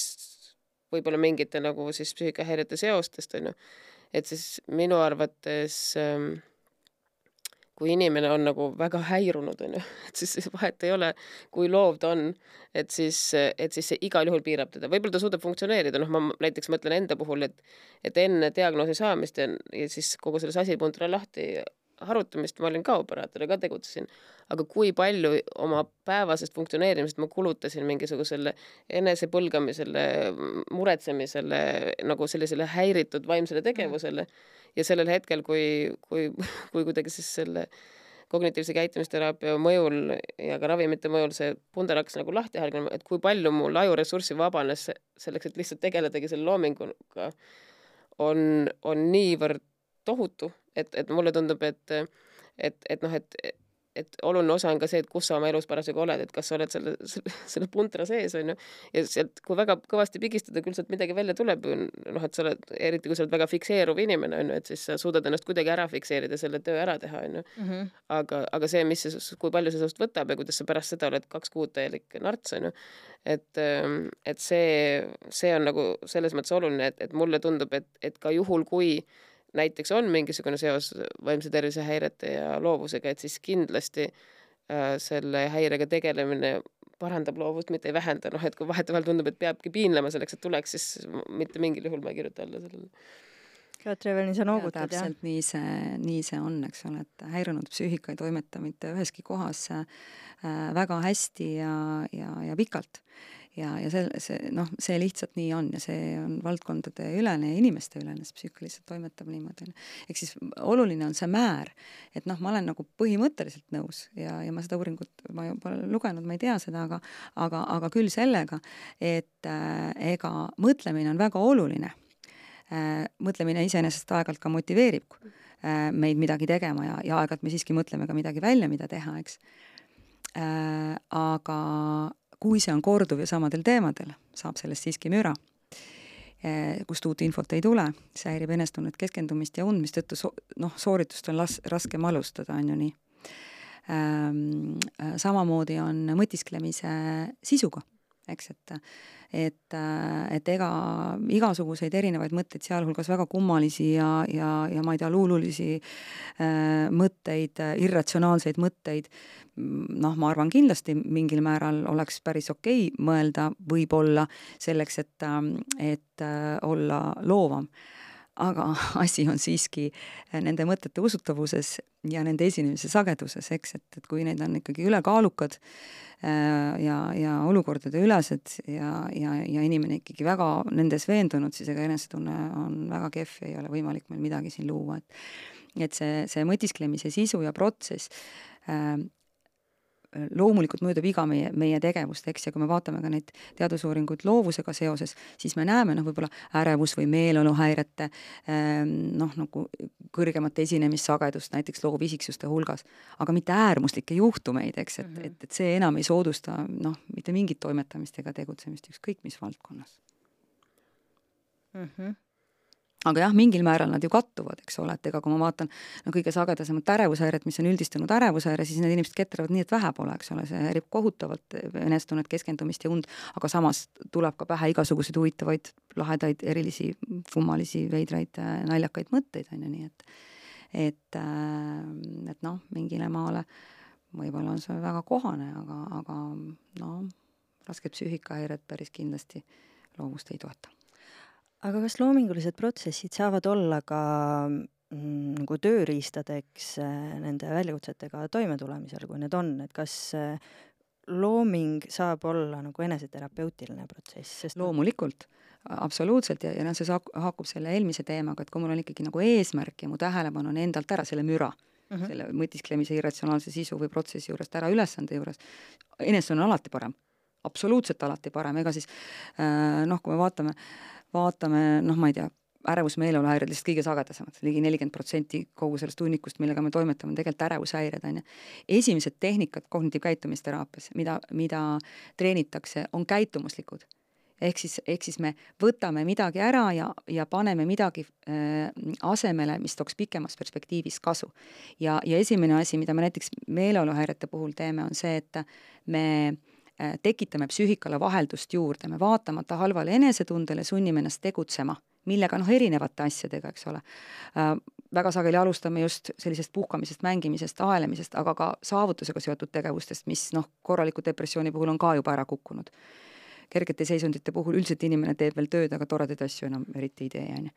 et, et me sunnime ta tegutsema, toimetama, see on tähelepanu rohkem endalt ära, enesetunne on parem. Samamoodi ka ärevushäirete puhul, eks, et mis me teeme, me võtame sellise kiire kasu psüühikale maha, vältimise näiteks või mõtete tunnete vastu sõdimise ja vaatamata muretsemisele ja ärevusele, paneme patsiendi noh, tegutsema oma igapäevaste ülesannetega edasi, ehk siis see on oma olemuselt natsa nagu selline tähelepanu treenimine, mis on mhm. hästi oluline ärevushäirete ülene tehnika, on ju. et loomulikult ja kuna looming on ka tegevus, eks, et see ei ole mitte see, et ma mõtlen, vaid ma ikkagi hakkan juba teg-, tegutsema, et et mulle hästi meeldib äh, ja see haakub nagu, nagu niisuguse tõenduspõhise psühhoteraapiaga ka, nagu Picasso ütles, et lõpuks ikkagi nagu see idee peab sealt lõuendi eest sind üles leidma, eks ole, sa pead hakkama nagu tegutsema, eks ole, et aga see koht nagu nendest mõtetest, eriti kui see müra on hästi intensiivne ja kohati -hmm. väga raske rahule jätta ja, ja kohati ka väga irratsionaalne, noh, sa rääkisid siin enda kallal õiendamisest, enesetunne väga kehva seetõttu ja motivatsioon madal, on päris suur sundimise koht eks, et, et, et see, kuidas nendest mõtetest, halvast enesetundest sinna tegevusse saada, noh vot see on see, mida ka klassikaline KKT õpetab, on ju, et ja, ja, ja loomulikult on, on selles mõttes igasugusel tegevusel, ka loomisel, mis on ju kunstniku nii-öelda töö ja, ja, ja tegevus ja toimetamine, äh, noh, ääretult, ääretult äh, oluline, et need perioodid, kus kunstnik ei loo, on tema jaoks kõige keerulisemad ja raskemad perioodid. Jah, ja mulle tundub, et, et vahetevahel võib ka olla, oih, võib ka olla see, et, et needsamad äh, et need loovad tegevused ise, et aju ise püüdleb nende poole selleks, et ennast maandada, et ma mäletan, kui mul oli noh, seal nagu teraapia suht alguse ots veel oli, otsisime seda sobivat ravimit ja sellega kaasnesid päris korralikud unehäired on ju, et siis äh, mul oli õhtuti raskusi magama jäämisega ja mu aju hakkas lihtsalt luuletusi tootma ja see oli selline, et riimimine oli mingi tegevus, mis kuidagi aitas nagu nendelt hüplevatelt ja ennastsöövatelt mõtetelt ennast mujale suunata, onju. ja riimimisega on ka selles mõttes tore asi, et sul tekib nagu see lõpetatuse tunne, et mingi hetk sa jõuad kohale ja siis on see luuletus valmis, onju. ja siis tuleb uni, onju. ja see, ja see oli kuidagi isetekkeline, et ma ei teinud seda nii, et ma nüüd hakkan tegema, vaid lihtsalt üks hetk ma märkasin, ma iga õhtu hakkan luuletama, kui mul und ei tule, onju. ja, aga küllap sa nägid sellest nagu sellist äh, mm, äh kasu mm.. sest ega me kipume kordama ikkagi neid strateegiaid, mis äh, toovad meile äh, kasu kahjuks psüühika kiiret kasu üldse ei taha. Mm. eks, et kognit-, kognit-, kognitiivkäitumisteraapias ikkagi õpetatakse neid mõtteid peas rahule jätma, eks, et mm., et kogu see eneserahustamine, noh, ma ei tea äh,, muule mõtlemine, mõtete äraajamine, mõni siin mediteerib, palvetab, eks ole, kõik need strateegiad on lühiajaliselt väga kasulikud, ega inimesed ei ole rumalad, nad on kahjuks väga nutikad, eks ole, oma, oma mõtteid ära ajama, aga kahjuks on nii, et mida rohkem ajad, seda, seda rohkem sa neid mõtteid omale pähe saad. aga noh, tõepoolest, ja siin on nüüd see loovisiksus meil mängus, eks eks ole, et, et mida, mida mm, äh, intelligentsem, arukam, loovam inimene on, ega seda loovamad on tal ka mõtete ja tunnete äraajamise strateegiad. Ja noh, me näeme ikka päris uhkeid, ägedaid arsenale, kuidas muretsemist ja juurdlemist või ma ei tea, valel ajal peas planeerimist või, või näiteks noh, ma ei tea, kõige sagedasemat ja kõige vastikumat emotsiooni, ärevust ära ajada, eks ole, ja, ja inimesed on väga loovad selles sa oled selle emotsioonide teema valinud oma viimase näituse keskmeks samamoodi, et seega ma kohe küsikski sult, et äh, miks selline valik ja et kui sa saad tuua mõne näite, mida sa saad jagada, mis on need kõige, sinu jaoks olnud kõige üllatavamad viisid, kuidas inimesed äh, negatiivseid emotsioone vältida püüavad? noh, kuna emotsioonide regulatsiooni teemad on tegelikult psüühikahäirete ülesed teemad, eks, ja, ja probleemiks äh, saab emotsioonide äraajamine seetõttu, et äh, psüühika kiiret kasu üldse ei taha. Äh, aga ometi teatud emotsioonid, üldse emotsionaalsus on inimestele noh, omane asi, inimene on emotsionaalne olend, eks, et ja negatiivsed emotsioonid on täiesti normaalsed asjad, kõik me aeg-ajalt oleme pettunud või kurvad või, või ärevad või tunneme süüd või häbi, eks probleemiks saavad need siis, kui me ei taha neid emotsioone, kui me anname neile, neile väga negatiivse tähenduse ja hakkame midagi tegema selleks, et, et neid ei tuleks või et nad läheks kiiremini minema. no ma arvan, et kõige äärmuslikumad on, on meile teada, eks ole, et me näeme enesevigastamist selleks, et ennast rahustada, negatiivsete emotsioonidega toime tulla, me näeme ainete kuritarvitamist, loomulikult me näeme vältimist, mis on pretsedenditult kõige popim negatiivsete emotsioonidega toimetuleku strateegia, kui ikka midagi karda on, tasub plehku panna, on ju, või või mees ajab närvi, lähen ikka teise tuppa, on ju. et, ähm, et noh, neid, neid on väga palju ja, ja väga erinevaid, eks ja, ja seetõttu ka see näituse teema, et see sitta sellest sitast tundest, et see võib kõlada nagu kummaline, aga esiteks meie inimesed väljendavad oma emotsioone üsna ähm, äh, nagu napilt, et et, et me ei kasuta oma ilusat eesti keelt, et oma emotsioone väljendada, mistõttu me ikkagi aeg-ajalt kohtame sellist väljendust, et ma tunnen ennast lihtsalt nii sitasti, on ju. ja noh, üks õige psühhoterapeut kasutab siiski patsiendi termineid ja ütleb, ahaa, okei okay,, et sa oled ärev vaid me räägime ikkagi patsiendi keeles, et, et me saaksime üksteisest aru, on ju. ja, ja ärevus- ja meeleoluhäirete, eriti ärevushäirete puhul, mis on noh, kõige suurem hunnik psüühikahäireid, me tegelikult treenime seda ärevust rahule jätma. ehk siis see noh, maakeeli öelduna see kõlabki nii, et noh, sitta sellest sitast tundest, et me jätame ta rahule, ta läheb ise üle. aga kuna ta nii vastik, siis ei lasta tal ise üle minna, tehakse midagi, et teda ei, ei tuleks või et ta läheks kiiremini ära, saadakse oma kiire kasu kätte ja, ja, ja mida rohkem on seda kiiret kasu, seda enam see ärevus saab ajas kasvada ja, ja säiluda ja süveneda mm. -hmm okei okay., ma nokiks selle nurga alt, et, et väga paljudel kunstnikel äh, selle eneseterapeutilise nagu nurga alt vaadates ongi, kujunevad ka mingisugused väga kindlad teemad, millega tegeletakse teosest teosesse, ükskõik mis see teos siis on, olgu see filmikunst, maalikunst, ka muusikas on see võib-olla veidi abstraktsem tajuda ehm,. ühest küljest äh, ma küsiksin teie hinnangut korra, ütleme, et mina on ju Äh, ma ei tea, võiks psühhoanalüütiliselt vaadata, et kui ma muudkui äh, lahkan igas järgmises filmis oma, ma ei tea, mingit lapsepõlvetraumat, on ju, muudkui lahkan oma suhet oma emaga või mida iganes, eks ole, ja teen seda, noh, loodetavasti kunstiline kvaliteet elu jooksul kasvab, aga sisuliselt, et ma kaevan kogu aeg sedasama teemat. kuidas teie sellele vaatate, kas see on produktiivne tegevus, kas see on minu viis mingi traumaga toimetulekuks, kas see võib midagi leevendada? Või on ka selles, selles oht, et kui me loomeprotsessis fikseerume liiga tugevalt mingile aspektile, mis meile väljakutset pakub, kas see võib ka psüühika mõttes destruktiivseks osutuda? noh, ma ütleks, et ega traumakogemuste puhul eksponeerimine on siiski noh, nagu üsna esimene nagu ravivalik, kui seda õigesti teha, eks ole, et kognitiivkäitumisteraapia ka alametoodika on ka posttraumaatilise stressihäire puhul ju, ju noh, asi, mida rutiinselt võiks patsientidel tarvit-, kasutada, on ju. et aga küsimus on selles, kuidas seda teha et mõõdukuslike asjade mõõte üleujutamine pole nagu mõistlik, on ju, et aga, aga noh, ma ütleks, et ega loomingut tema loojast on päris keeruline nagu eristada, eks ole, et noh, mida me siis loome, me ikkagi loome seda, mida me oleme läbi elanud või, või millega me hetkel proovime toime tulla, eks ole, et no ega sealt see aines tulebki, on ju nii, et et need isiklikud läbielamised ja kogemused ongi lõpuks ju need, mis selleks kunstiteoseks saavad, et noh, kuidas see üldse saakski nagu teisiti olla, eks ole, mida me siis nagu kujutame või, või loome ja ja siin ma arvan, et ei ole nagu vahet, et et meil, meil tuleb äh, sellesama Sitta sellest sitast tundest kunstinäituse raames äh, üheksateistkümnendal, üheksateistkümnendal oktoobril äh, ka üks filmiõhtu, kus Sandra Jõgeva filme me, me, me vaatame ja me nagu arutleme, et noh, et delikaatsust hoida püüdes loomulikult mitte nendest inimestest, kellest film on, vaid pigem sellest, et kuidas see dokumentaalfilm saaks noh, nagu psüühikat ja vaimset tervist nagu, nagu kajastada, nii et me oleksime noh, nagu ausad ja ehedad, aga samas ikkagi nagu delikaatsed äh, selle inimese suhtes, et mm, et niisugune filmiõhtu meil on plaanis. Helen, sina oled varasemates intervjuudes äh, maininud ka äh, filmi kasutamist psühhoteraapias äh, täiesti teaduslikul tasandil, et sellega on ikkagi katseid tehtud? nojah, et äh, igasuguseid erinevaid katseid on tehtud, et, et filmi puhul äh, noh, et, et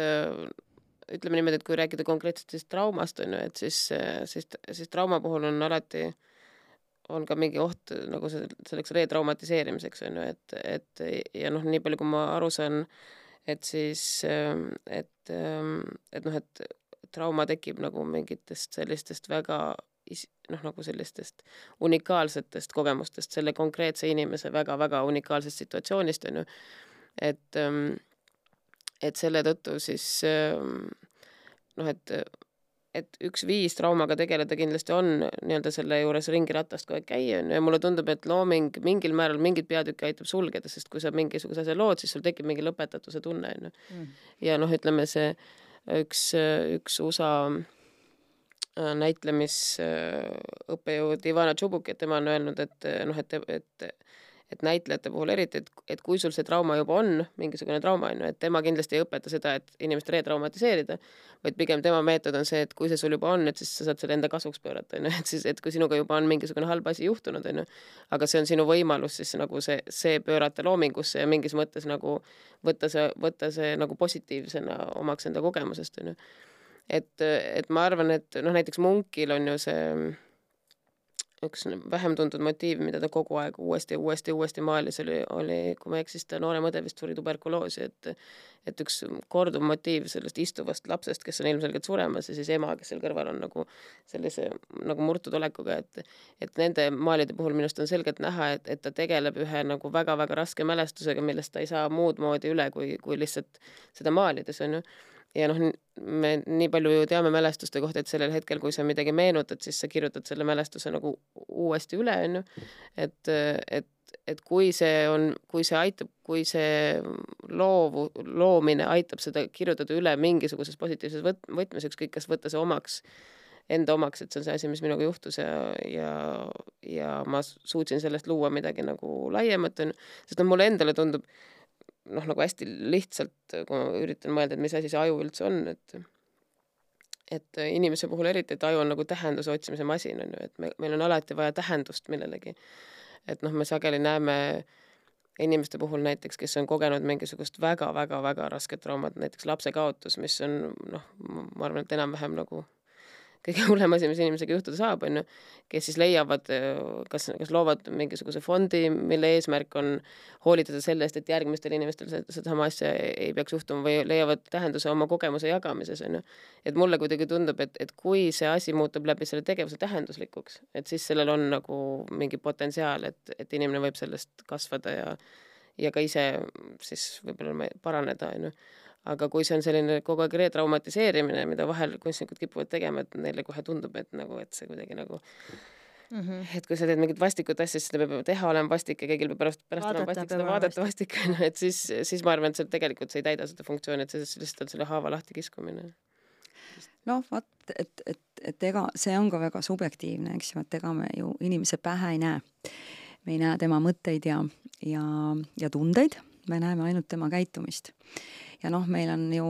oma Eesti kunstimaastikul võtta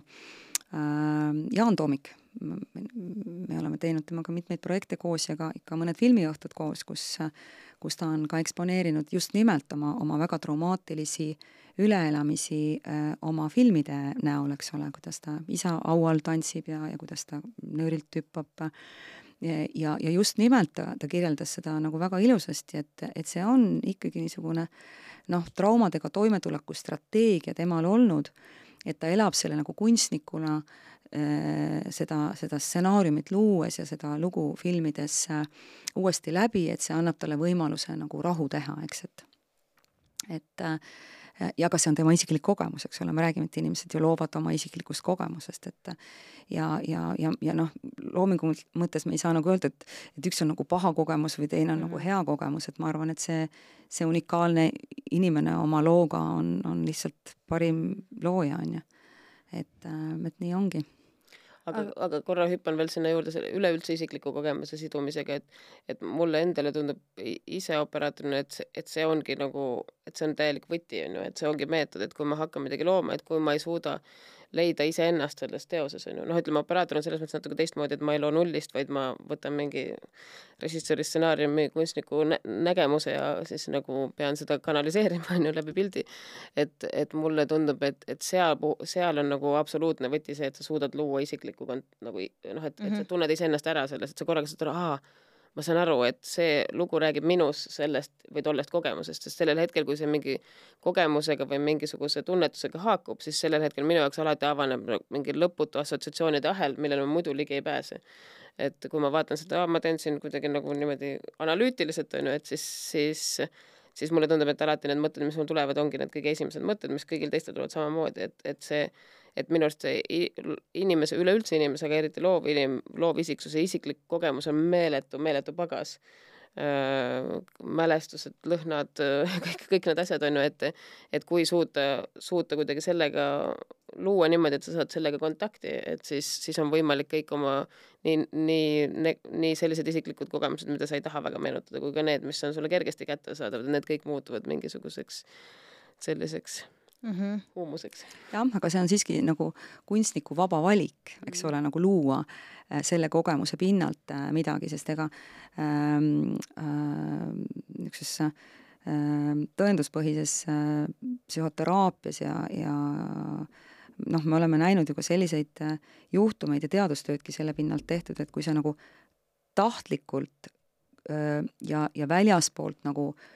motiveeritult mingeid traumaatilisi kogemusi esile kutsud, siis sa mitte pigem ei aita inimest, vaid, vaid vastupidi, posttraumaatilise stressihäire esinemissagedust tõsta. noh, me vaatame, mis pärast seda Estonia katastroofi toimus, eks ole, et kuidagi inimesi püüti kokku saada, et nad kõik räägiks oma kogemusest, eks ole, aga me teame seda, et et kui me võtame sada inimest ja küsime nende käest, et, et kas su elus on olnud mingeid traumasid, siis noh, ma arvan, sada inimest ütleb, et mul on trauma, sellepärast et trauma ei ole mitte sündmus ise, vaid sellele sündmusele antav tähendus ja ja tänapäeval seetõttu palju laiema variatiivsusega olukordi äh, inimesed saavad tegelikult traumadeks tõlge, tõlgendada, eks ole, me näeme raskeid sünnitusi, mis on väga mhm. traumaatilised kogemused, me näeme lahkuminekuid, noh, mis justkui tuleb tihti ette, aga, aga mõnel on see kohutavalt traumaatiline, eks ole, et et noh, ma ei tea, mingid haigused, noh, koroona näiteks, eks, et et inimesed tõlgendavad olukordi väga erinevalt ja, ja see traumakogemusele eksponeerimine peab kindlasti olema nagu vaba valik ja noh, kunstnik on oma loomingus ju vaba, ta saab ise otsustada, mida, mida ta loob ja millest, on ju, et aga aga ta ei tohiks olla selline nagu pealesunnitud asi, siis me alati tekitame seda potentsiaalset ohtu, et, et äh, me hoopis tõstame teatud äh, psüühikahäirete esinemissagedust, näiteks posttraumaatilise stressihäire sagedust, et aga minu jaoks üks huvitav küsimus ongi olnud see, et äh, kuna Helen meil täna külaline on ja filmikunstis me otsapidi oleme, et siis ma võtan sealt nagu ainest. Ähm, et Eesti filmikunstis mulle tundub pikka aega oli selline tõrge või, või mit, ütleme siis, et ei võetud ette meie mm, lähiajaloo suuri narratiive ülearu palju. Äh, et see, et enne kahe tuhande neljateistkümnendat aastat ja Risttuules filmi, mille Martti Helde lõi, see, et meil enne kahe tuhande neljateistkümnendat aastat ei olnud sisuliselt vist ühtki mängufilmi, mis lahkaks kuidagi näiteks küüditamise kogemust. Ütle, kas ma eksin, võib-olla ma ei tea, aga et ja nüüd näiteks on valmimas või valminud teleseriaal, mis tegeleb Estonia katastroofiga, eks ole. et sellest aspektist, mida sa just rääkisid, milline on kunstniku vastutus nagu ühiskondlikul tasandil, kui me võtamegi mingid suured kollektiivsed traumad justkui temaatiliselt käsitleda? kas siin kehtib see, et igaühe vaba valik, kas ta läheb kinno või ei lähe või? no absoluutselt ega siis pea võib alati ära keerata ja mitte seda vaadata, mis on sulle ebamugav, on ju, aga kuigi ma, ma ikkagi nagu arvan, et, et kunstniku ülesanne on siiski kõnetada nagu olulisi ja, ja tähtsaid teemasid, et mis see kunsti nagu suurem roll siis on, eks, et et kui see on huvitav ainult ühele inimesele, siis on see on tore meelelahutus ja psüühika tahab vaheldust ja andke minna, on ju. aga kui me räägime ikkagi loomisest, mida, mida me tahame ka teistele näidata ja eksponeerida, siis siis ma arvan, et me peame väga julgelt rääkima väga erinevatel äh, teemadel, eks. ja, ja, ja ega kunsti ülesanne ei ole nagu noh, ma ei tea, traumaatilisi kogemusi ära ära hoida, et ma vaatan sedagi, et meil, me Sensuse galeriis juba aastast kaks tuhat üheksateist korraldame näitusi. ma olen küll näinud patsiente kes ütlevad, et appi kui õudne, õudset tööd, et ma ei saa seina peale vaadata, on ju. aga keegi teine ütleb mulle, et mind väga need kõnetavad, need on lihtsalt nagu nii, nii lahedad äh, tööd, on ju. kellel on õigus? aga mõlemal on, on õigus oma arvamusele, kui seda see, peakski tekitama. aga see on nii huvitav küsimus tegelikult, sest et äh, eriti kui me mõtleme mm, siis äh, psühho-, ütleme siis psühholoogia praksistele või kabinettidele, eks ole, et kuhu me tavaliselt satume. me satume tavaliselt mingisugusesse meeldivalt beeži ruumi, mingis meel-, mingi meeldivalt beežis rõivastuses inimese juurde. noh, et ikkagi eh, paranda mind, kui ma eksin, aga mulle tundub, et ka kliinilised psühholoogid eh,, et see selline teatav nulli loomine selles atmosfääris või, või keskkonnas, kus sa klienti või patsienti vastu võtad, see on ka oluline samas, kui sa võtad, teed julge sammu ja paned sinna seinale mingi väga ekspressiivse teose näiteks, ehm, noh, see ongi julge samm et on seal teatav vastandus olemas selles, et sa paned mingi statement piece'i seinale versus selline no, no ma, sa nimetasid siin nagu mitut, mitut asja, ma arvan, keskkond peab olema väga ilus mm. -hmm. mina arvan, et see aeg, kus psühhiaatriakliinikud olid koledad nurgatagused külmad kõledad äh, kohad, äh, kus kõigil oli paha olla, spetsialistidel, kes seal kõige sagedamini ja pikemalt olid, oli veel kõige halvem, no peaks ammu olema eilne mm -hmm. päev, eks ole, et keskkond peab olema mõnus ja, ja hea. ja, ja ilus, on ju ähm, äh, teine asi on, on see, see, sa nimetasid siin riietust, et ega mina tööandjana ka ikkagi ütlen oma, oma noortele kolleegidele, et, et võib-olla väga neoonrohelises ja lillas ei Võt, sobi olla patsiendil foon. näinud mingi lõhkiste mhm. teksadega psühholoogia ei ole mul kunagi istunud seal vastas äh,. jaa, aga, aga noh, et, et noh, me oleme natuke ikka selline nagu akadeemiline keskkond, me oleme tõenduspõhise psühhiaatri, psühhoteraapia stimulatsiooni-kliinik, et et noh, me ei tule lillelistes kleitides ega kitlites, me proovime olla nagu taust ja foon, et sest kõige tähtsam on meie, meie patsient. küll aga äh, mujal maailmas on tehtud toredaid projekte Belgias ja Prantsusmaal, kus äh, psühhiaatrid kirjutavad kunstinäituste pääsmeid kui sotsiaalseid retsepte, sest noh, psüühika tahab vaheldust ja kui on vaheldust rohkem, on tuju parem, eks ma olen ise kirjutanud mitu korda meie kultuuriministrile, et äh, miks me võiks seda teha, et, et meie patsiendid, noh, neid on küll palju, aga mitte nii palju, et see meie kunstimuuseumi ummistaks, pääseksid sinna kuidagimoodi ilma piletita, oleks jube tore, on ju. et sotsiaalse aga... rehabilitatsiooni alla võiks käia näiteks Kumu aastapääse? absoluutselt mm, -hmm. absoluutselt väga, võiks väga käia, sellepärast et needsamad projektid, mida ma nimetasin, näitavad nagu väga selget äh, kasu ja, ja me oleme Sensusega läinud nagu seda teed ja Kalaus galeriiga, et me korraldame kunstinäitusi kliinikus. ja me ei korralda ju ainult näitusi, meil on ju niisugused noh, publikuprogramm, igasugused üritused ka kaasas, praegu meil on Vanu Alsalu näitus seal Sensuse kliinikus Taju ja tuju ja meil on sellega seoses kuni veel viieteistkümnenda oktoobrini käimas niisugune väike teadusuuring, me vaatame äh, seda, kuidas isiksuse seisund mõjutavad äh, abstraktsele kunstile antavaid hinnanguid, me hindame kuute Vanu Alsalu tööd nii-öelda Rorschach'ilikul põhimõttel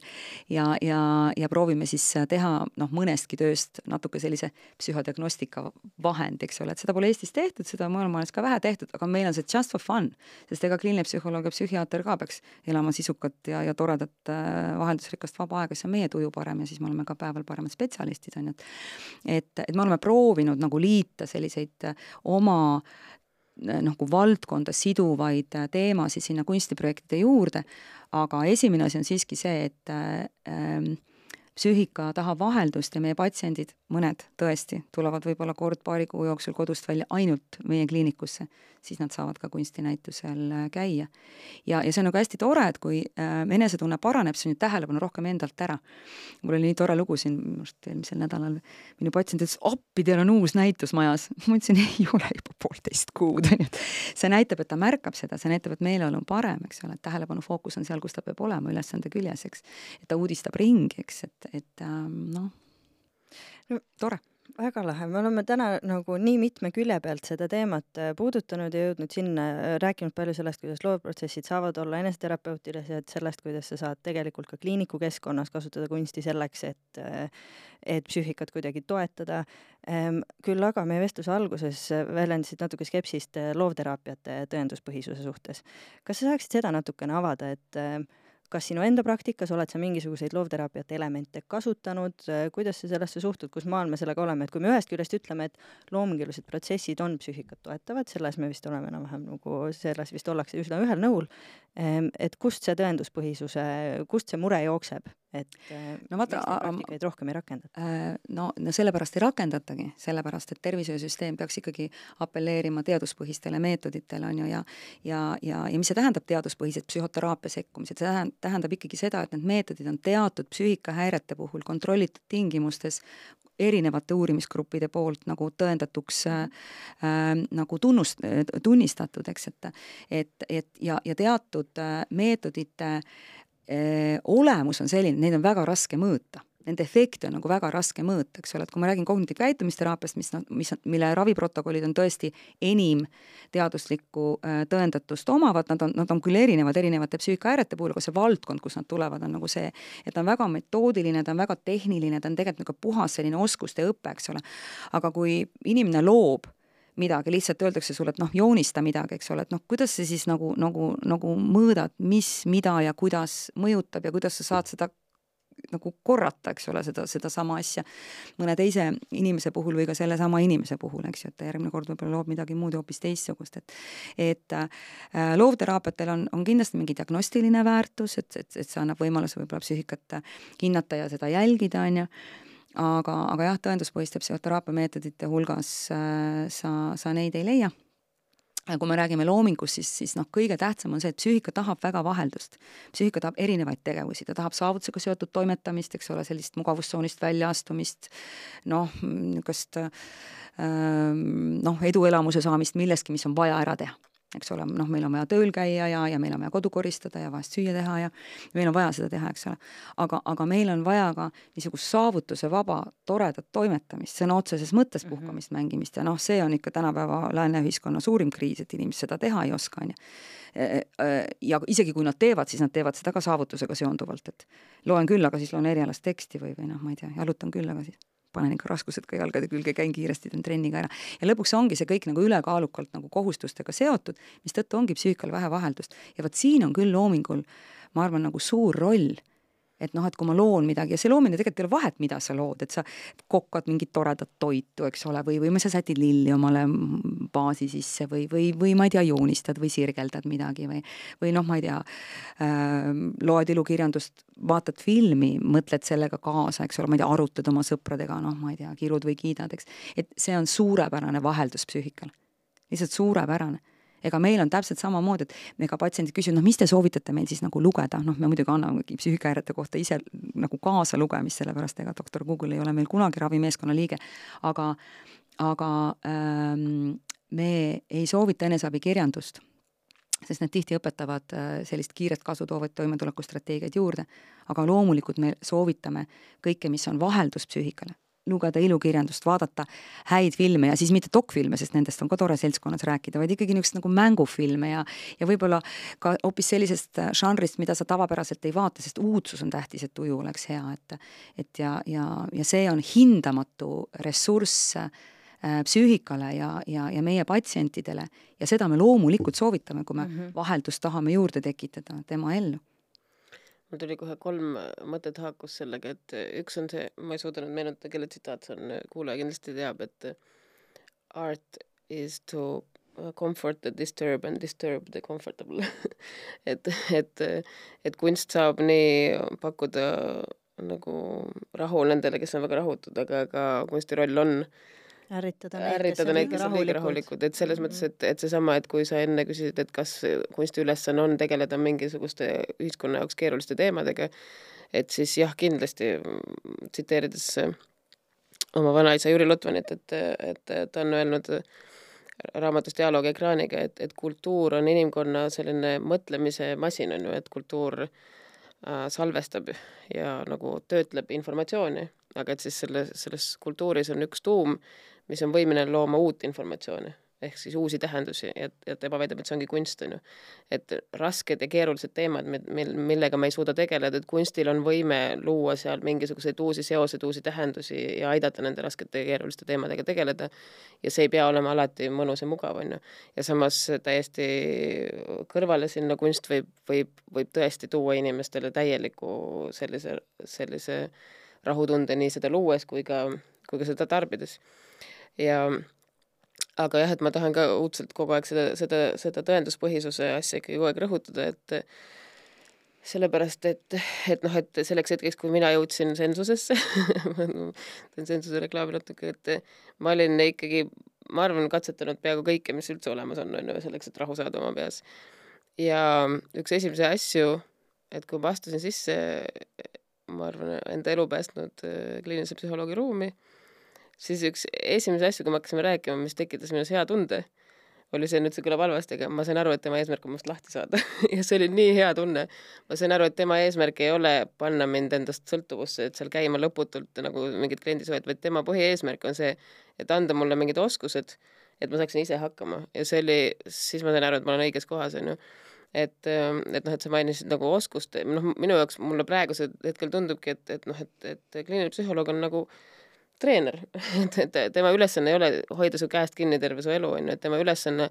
on anda sulle oskused ja siis pärast sa saad temaga peegeldada, et kuidas sul nende oskuste omandamine läheb. aga hästi paljude nende alternatiivsete teraapiate, mida praegu vohab täiesti kohutavalt, on põhiprobleem on see kliendi suhe, et, et, et eesmärk on saada inimene käima sinna seal, on ju, ja, ja mul on palju tuttavaid, kes on käinud äh, ja noh, ma ei, selles suhtes, täpselt samamoodi, et, et ma kindlasti arvan, et igasugune loovtegevus on teraapiline. aga et kui see ei ole tõenduspõhine, siis seal võib väga kergesti ikkagi tekkida see, et aga noh, et hakka meil käima ja sina maksad raha ja mhm. noh, pead meid üleval ja meie anname sulle ülesandeid, on ju. et sel-, sellest tekib noh, nagu uus sõltuvussuhe, et, et, et minu arvates teraapia ei ole asi, mida inimene noh, et peaks, millest inimene peaks sõltuvuses olema, et see, et igal juhul tõenduspõhisuse puhul me saame näha, kuidas olukord on paranenud ja, ja see oli esimesi minu jaoks nagu olulisi märke, et, et, et, et see, et selle tegevusel on mõte, oligi see, et ma nägin muutumist alguses mul hakkas halvemaks minema, mis on loomulik, sellepärast et kui sa lõpuks hakkad oma probleemidele otsa vaatama, siis lähebki halvemaks, on ju. kui sa kõik need strateegiad, millega sa oled osavalt probleeme kogu aeg nagu voodi alla pühkinud, on ju, need, nendest lahti lased, on ju, ja siis hakkas paremaks minema ja siis olid mingisugused taga, tagasilöögid, aga ma nägin kogu aeg seda tänu psühholoogile, nägin selle sellisel nagu nägin, kuhu suunas ma arenen ja sain aru, et sellel on perspektiiv. et hästi sageli minu arust nende noh, nagu lihtsalt nagu mittesüsteemsete teraapiatega on see, et see, et see lõpuks on täitsa perspektiivitu, sest sa nagu teed midagi, sul võib sa ühes tunned ennast paremini võib-olla sealt lahkudes, aga sa pead ja, sinna iga kord tagasi ja mõnes, mõnel seansil ikka ei taha kiiret kasvu. ja, mm -hmm. ja noh, mõnel seansil võib olla niimoodi, et sa tuled sealt nuttes välja ja sa ei oska midagi sellega peale hakata ja järgmine kord sa lähed, sul on niisugune tunne, ma tegin jälle kolm sammu tagasi, et, et sa tegelikult ei taju noh, mingit muutust, onju et minu arust see on hästi oluline. Ja nüüd veel üks, üks asi, mis mul veel meenus sellesama noh, nagu rekreatiivse tegevusega on küll jah see, et et ähm, õega, kuna mul, mul on perekonnas palju bioloogia ja looduskaitsjaid, mu vanem õde on ka, onju, siis me pikalt arutasime temaga, Silviaga, et et kas siis, kui tema looduses jalutamas käib, et kas see on rekreatiivne või see on professionaalne tegevus. et mul ka väga sageli juhtub seda, et, et ma mõtlen, et loeks midagi, siis ma võtan mingi eriala kirjanduse, siis ma panen selle käest ära, võtan, praegusel hetkel mul on äh, kaks teismelist tütart, äh, kes soovitavad mulle Äh, kirjandust, ma loen teismeliste romaane. Ja, ja nad on väga hästi rahu, nagu aju, aju maandavad ja, ja noh, et, et mingi hetk mulle tundus, et aga ma ju kogu aeg puhkan, onju, aga tegelikult ma tegelesin kogu aeg erialase tegevusega mm. -hmm. kui läksin kinno, oli erialane tegevus filmisin, oli erialane tegevus, lugesin raamatut, oli. et selles mõttes küllap nii võib ühe kliinilise psühholoogi kohta ka öelda, et inimeste ümberringi kogu aeg oled tööl, onju. aga see ei ole niimoodi, et vabal ajal ikka tavalised inimesed, aga mulle hästi meeldib, meeldib nagu see, et, et noh, kuidas sa, noh, sa nimetasid, et sa oled võimas käinud ja ja, ja, ja patsient olnud, et, et kuidas sa sellist tõenduspõhise psühhoteraapia protsessi kirjeldad, sest see on tõesti oskuste õpe 拜。Ja, ja eesmärk on ikkagi see patsient õpetada iseenda terapeudiks, sellepärast et äh, ega psüühikahäired käivad lainetena. üks asi on neid ravida, teine asi on tagasilangust ära hoida, ennetada seda järgmist, järgmist episoodi ja selleks on see oskuste õpe ääretult oluline, eks ole, et kui patsient lihtsalt käib ja me jutustame temaga, siis ta saab muidugi, ta on sellel hetkel, ta, ta tunneb ennast paremini, eks, aga see sõltuvuse potentsiaal on väga kõrge, mida, mida sa mainisid, et kui me õpetame talle oskusi, siis patsient saab neid ise kasutada sellel hetkel, kui jälle mingeid probleeme võiks olla, olla rohkem, ma ei tea, muretsemist või ärevust või paha tuju või, või, või, või mida iganes, eks ole, et siis ta saab selle, selle oskuste arsenali, mida ta on nüüd treeninud, uuesti äh, kasutusele võtta, noh, muidugi enamik on nendest sellised, mida võikski jooksvalt igapäevaselt ähm, oma, oma elus rakendada, aga noh, mitte kõik, on ju et, et väga oluline on, on see, et me õpetame oskusi, väga oluline on see, et patsient harjutaks neid seansside vahepealsel ajal, ehk siis teeks kokkulepitud kodutööd, sest muutus tekib seal, mitte nelja seina vahel, siin me õpime ja siis meil on vaja patsienti, kes ikkagi siis nende juhtnööride järgi nagu toimetaks ja ja, ja, ja tänu sellele ka noh, tõenduspõhised psühhoteraapia meetodid, valdavalt siis kognitiivkäitumisteraapia omad, on noh, kestavad lühikest aega, teraapia on lühikene ega me niisugust klassikalist äh, värevushäirega patsienti näeme no võib-olla niisugune, no ma ei tea, viis kuni kaheksa korda, kindlasti mitte rohkem. no hea küll, vahest on väga rasked komorbiidsed seisundid, võib-olla söömishäired, rasked sõltuvushäired, mul on mõni patsient, kes, kes mul on olnud väga raske sõltlane, iga päev tarvitanud aineid, nüüd ta ikka käib mulle ennast näitamas, ma nimetan neid niisuguseks sabast kinnihoidmise seanssidest, seanssideks, et et ennetada tagasilangusi, eks ole, et me natuke kauem hoiame, hoiame teda äh, teenusel käimas, kuigi tal on asjad kõik, kõik kõik korras ja hästi, me vaatame, et ta ikkagi õpitud oskusi kasutaks, on ju, et et jah, et eesmärk on ikkagi see psüühika treenimine ja, ja see, et patsient ise saaks äh, iseendaga hakkama ja seetõttu täpselt nii, nagu sa väga toredasti ütlesid, teraapia lõpetamine algab esimesest seansist mitte viimasest. et, äh, et nii see käib, jah jah, ja see on väga ilus mõte, mis siit äh, täna kaasa võtta ka, et meie esmane teemapüstitus sai lahenduse üsna kiiresti, saime teada, et kunstnik mitte ainult ei pea hull olema, vaid äh, parem on, kui üldse ei oleks. Aitäh teile mõlemale stuudiosse tulemast, äh, neid teemasid ja oma mõtteid avamast, sest et see, kuhu me nende küsimustega jõudsime, oli minu jaoks väga huvitav ja mulle tundub, me võiks jätkata mina võiks jätkata väga pikalt, ma küsin igaks juhuks enne lõpetamist, kas on midagi, mida mina ei taibanud küsida, aga millele te tahaksite tähelepanu pöörata või mida te sooviksite küsida üksteiselt? mina tahaks lihtsalt, ma tean, et õnneks nüüd me juba sellest saame rääkida, aga, aga ähm, minu jaoks on niivõrd oluline see psüühi-, ma ütleks, ei ütleksigi psüühikahäirete, vaid psüühiliste teemade nagu stigmatiseerimise lõpetamine, et, et kui ma mõtlen enda sõprade peale, on ju, et siis ma arvan, ma ei tea ühtegi inimest, kes ütleks, et mul pole füüsiliselt mitte ühtegi häda, et ikka alati kellelgi küünarnukk valutab, kellelgi nagu on mingi häda, vahepeal käib pea ringi, onju. aga kui suur on tõenäosus, et siis meie, meie ümber on inimesed, kellel pole psüühiliselt mitte ühtegi probleemi, onju, et, et ma arvan, et täpselt samamoodi nagu kehaga, onju. aga kui, aga üks asi, mis, mis on nagu oluline, mis ma olen ise ka kogenud, on see, et näiteks, et kui sul põlv valutab, onju, et siis sa lähed arsti juurde ja sa ei otsusta selle põlvega seda, et kas sa lähed arsti juurde, onju. et sa otsustad oma ajuga seda, et mu põlvel on abi vaja, aga sellel hetkel, kui sul on mingisugune seisund, mis takistab sul sind selgelt mõtlemast, siis sa pead sellesama organiga tegema selle otsuse, et ma, et ma vajan abi, onju. ja, ja väga sageli, noh, näiteks mina, ma ei tea, kas see on ATH kogemus või see on lihtsalt see minu impulsiivne aju, et mina olen ikkagi kogenud seda, et sellel hetkel, kui on halb, et siis on see tunne, et alati on halb olnud, mitte kunagi ei saa enam hea olema ja kogu aeg jääbki nii, onju. ja sel hetkel, kui on hästi, on niisugune tunne, et mis siis polegi olemas probleemi, see on mingi täielik luul, onju. ja nüüd nendel hetkedel, kus, kus inimene on täielikult äh, nurgas, onju, et, et nendel hetkedel sageli on ka, tekib täielik võimetus abi ka küsida, onju. sest sa oled nii kinni selles enesetundes, et et, et mulle tundub, et kui me saaks kuidagi nagu noh, ka see, see on ka see põhjus, miks ma täna pidasin oluliseks siia rääkima tulla, on see, et et, et, et sellest rääkida, et, et väga sageli, kui on nagu mingisugune suur probleem, mida me hakkame lahendama ühiskondlikult, et siis tekib nagu selline teise serva minek väga kergesti. et praegu on nüüd õudselt moes öelda seda, et oi, see kõik on ülediagnoositud ja kõike on liiga palju, nüüd me räägime liiga palju vaimse tervise probleemidest, on ju. aga, aga kindlasti mitte, et, et mulle tundub, et sellel hetkel, kui vaimse tervise teemad on ühiskonnas normaliseeritud, et see on normaalne asi, millest rääkida. sa võid rääkida sellest, mida sa hommikuks sõid, sa võid rääkida sellest, kus sa jooksmas käid, sa võid ka rääkida sellest, et, et, et kust kuidas sa ei taju aega või kui, kus sa psühholoogi, psühholoogi juures käid. et, et see, et see oleks nagu täielikult normaliseerunud, et siis mulle tundub, et, et siis on nagu hästi, aga kuniks see on see, et kas me surume selle täielikult vaiba alla mm. või siis me ütleme, et oi noh, tänapäeval on kõigil kogu aeg mingi probleem on ju ja räägime mingitest nagu lumehelbekestest on ju, et siis see näitab, et, et see, et see pole veel nagu, et see pole veel ühiskonnas nagu muutunud selliseks tavaliseks, täiesti normaalseks teemaks, mil, millest kõik võivad rääkida ja keegi ei pea põdema. jah aga noh, nende psüühikahäiretega on ikkagi selline lugu, et nemad on meil ju dimensionaalsed. see tähendab seda, et üksikuid sümptome on absoluutselt kõikidel inimestel. minul ka vahest tuju nii shit sõna otseses mõttes, et midagi ei taha teha ja vahest ei tee ka, onju. vahest, väga pikalt ei tohi seda vältimist nagu äh, ajas lasta kesta, onju. ja, ja kõik inimesed vahest ju juurdlevad, muretsevad, mina ka vahest nii, et mul on raske magama jääda. et, et, et vahe on ainult määras ja, ja kui me vaatame noh, ükskõik milliseid psüühikahäireid, siis me leiame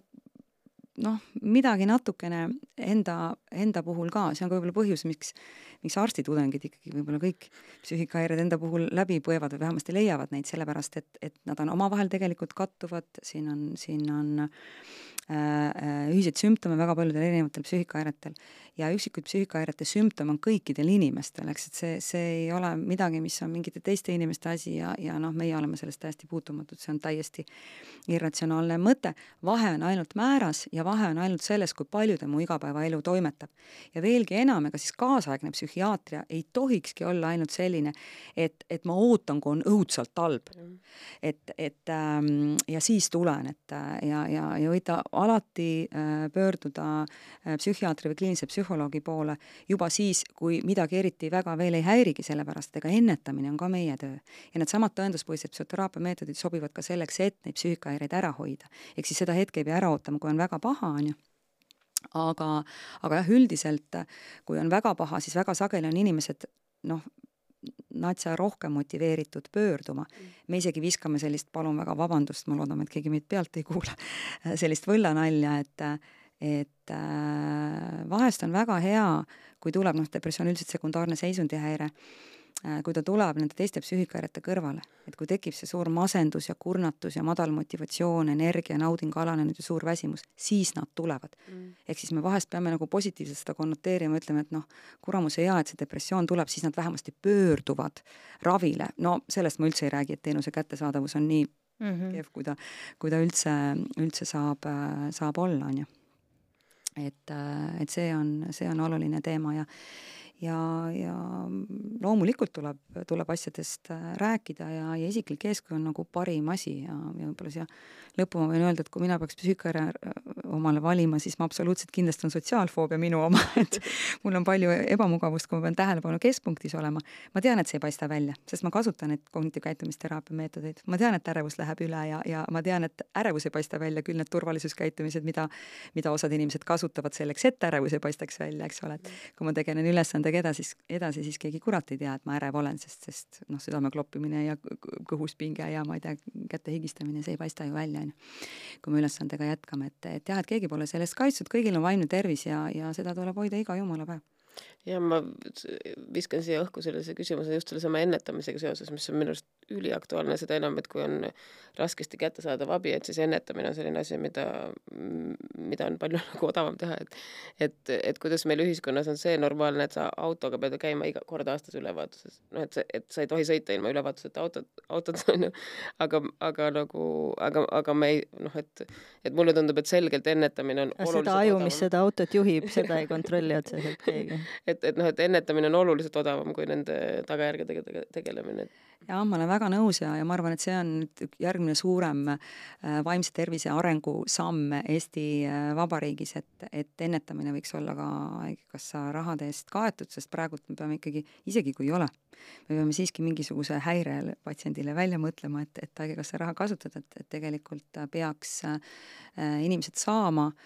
toetatult pöörduda ka psüühikahäirete ennetamiseks, sest see on meile kõigile väga-väga kasulik ja, ja väga efektiivsed, tõhusad meetodid on, on selleks olemas, noh muidugi ka erinevad muud formaadid on olemas, et, et ega siis, et praegusel hetkel, kus meie äh, armas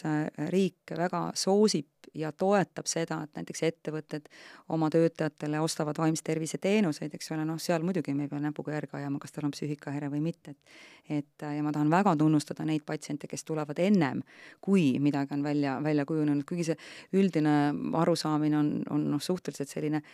irratsionaalne, et noh, kuidas ma tulen ja ravijärjekorrad on nii pikad ja nüüd ma kellegi hädalise aja võtan ära, eks, et et noh, ühe inimese psüühikahäire ära hoida, see on päris suur panus, ma arvan ja, ja see on põlvkondade kaupa panus, et seesama see, see imbipaju tõrjutud mälestused räägib sellest, mhm, et mm, -hmm. et ühe põlvkonna trauma, see kestab mitu-mitu põlvkonda, on ju, et mm, -hmm. et kui me suudame näiteks kas või ühe, ühe väga väsinud väikelaste ema august välja aidata, enne kui asi läheb väga lappama, siis see võib-olla on selle kolme või nelja lapse kogu ülejäänud elu nagu Haigekassa jaoks oluliselt odavamaks tegemine. täpselt, ega psüühikahäired on vägagi nii-öelda nagu nakkushaigused, eks ju, et nad, nad käivad ikkagi perekondi pidi ja, ja, ja ja sõpruskondi pidi, noh, söömishäired on väga sellised, et tuleb üks ja siis tuleb teine sõbranna, kolmas sõbranna, neljas sõbranna, eks, et et, et nad natuke sedamoodi on. et, et mistõttu sellised kogukonnateenused ja, ja, ja koolis varajane märkamine ja koolipsühholoogi teenused on kõik need, mida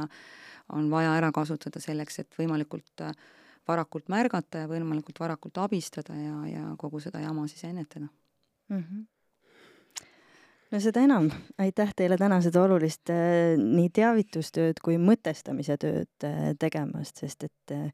mulle on alati tundunud, et ühest küljest tõepoolest me räägime vaimsest tervisest üha enam ja see on väga tore ja väga palju, väga suur osa sellest sisust õpetabki ka, püüabki toetada, õpetada mingisuguseid oskusi, jagada kogemuslugusid ja nii edasi, mis kõik on hästi-hästi vajalik hästi vajalik osa sellest, nii selle vestluse normaliseerimisest kui üldiselt teadmiste jagamisest aga eh, selline võimalus võtta neid teemasid kuidagi süvitsi ja tõepoolest mõtestada, mida tähendab looming, mida tähendab vaimne tervis ja nii edasi, eh, mulle tundub, et neid võimalusi ei ole, ei ole seni väga palju olnud. nii et suur aitäh teile, et te seda tänuväärset tööd eh, täna siin tegite ja teete igapäevaselt. Eh, soovin teile mõlemale jõudu nii oma loomingulistes kui, eh, kui psühholoogilistes ettevõtmistes. Helenilt jääme ootama luulekogu mina olen Marta Äh, te kuulasite ära järjekordse Mis mõttes episoodi, kus rääkisime loomingulisuse ja vaimse tervise vahelistest suhetest ja minu külalisteks olid täna Katri-Evelin Kalaus ja Helen Lotman. kuulake meid ikka sealt, kust te oma podcast'e leiate, leidke Stories for Impact üles äh, sotsiaalmeediast, kirjutage mulle marta.storiesforimpact.com, juhul kui teil on mõtteid, mida tänane vestlus inspireeris, kui teil tekib küsimusi või teil on mõtteid, mida te järgmistes episoodides kuulda tahaksite. ja sellesama vestlus läheb üles eh, storiesforimpact.com kodulehele, kuhu me lingime ilusasti juurde ka igasugused viited uuringutele, millele meie tänased kõnelejad täna tähelepanu juhtisid. nii et keda teema huvitab, saate sealt edasi uurida. suur tänu teile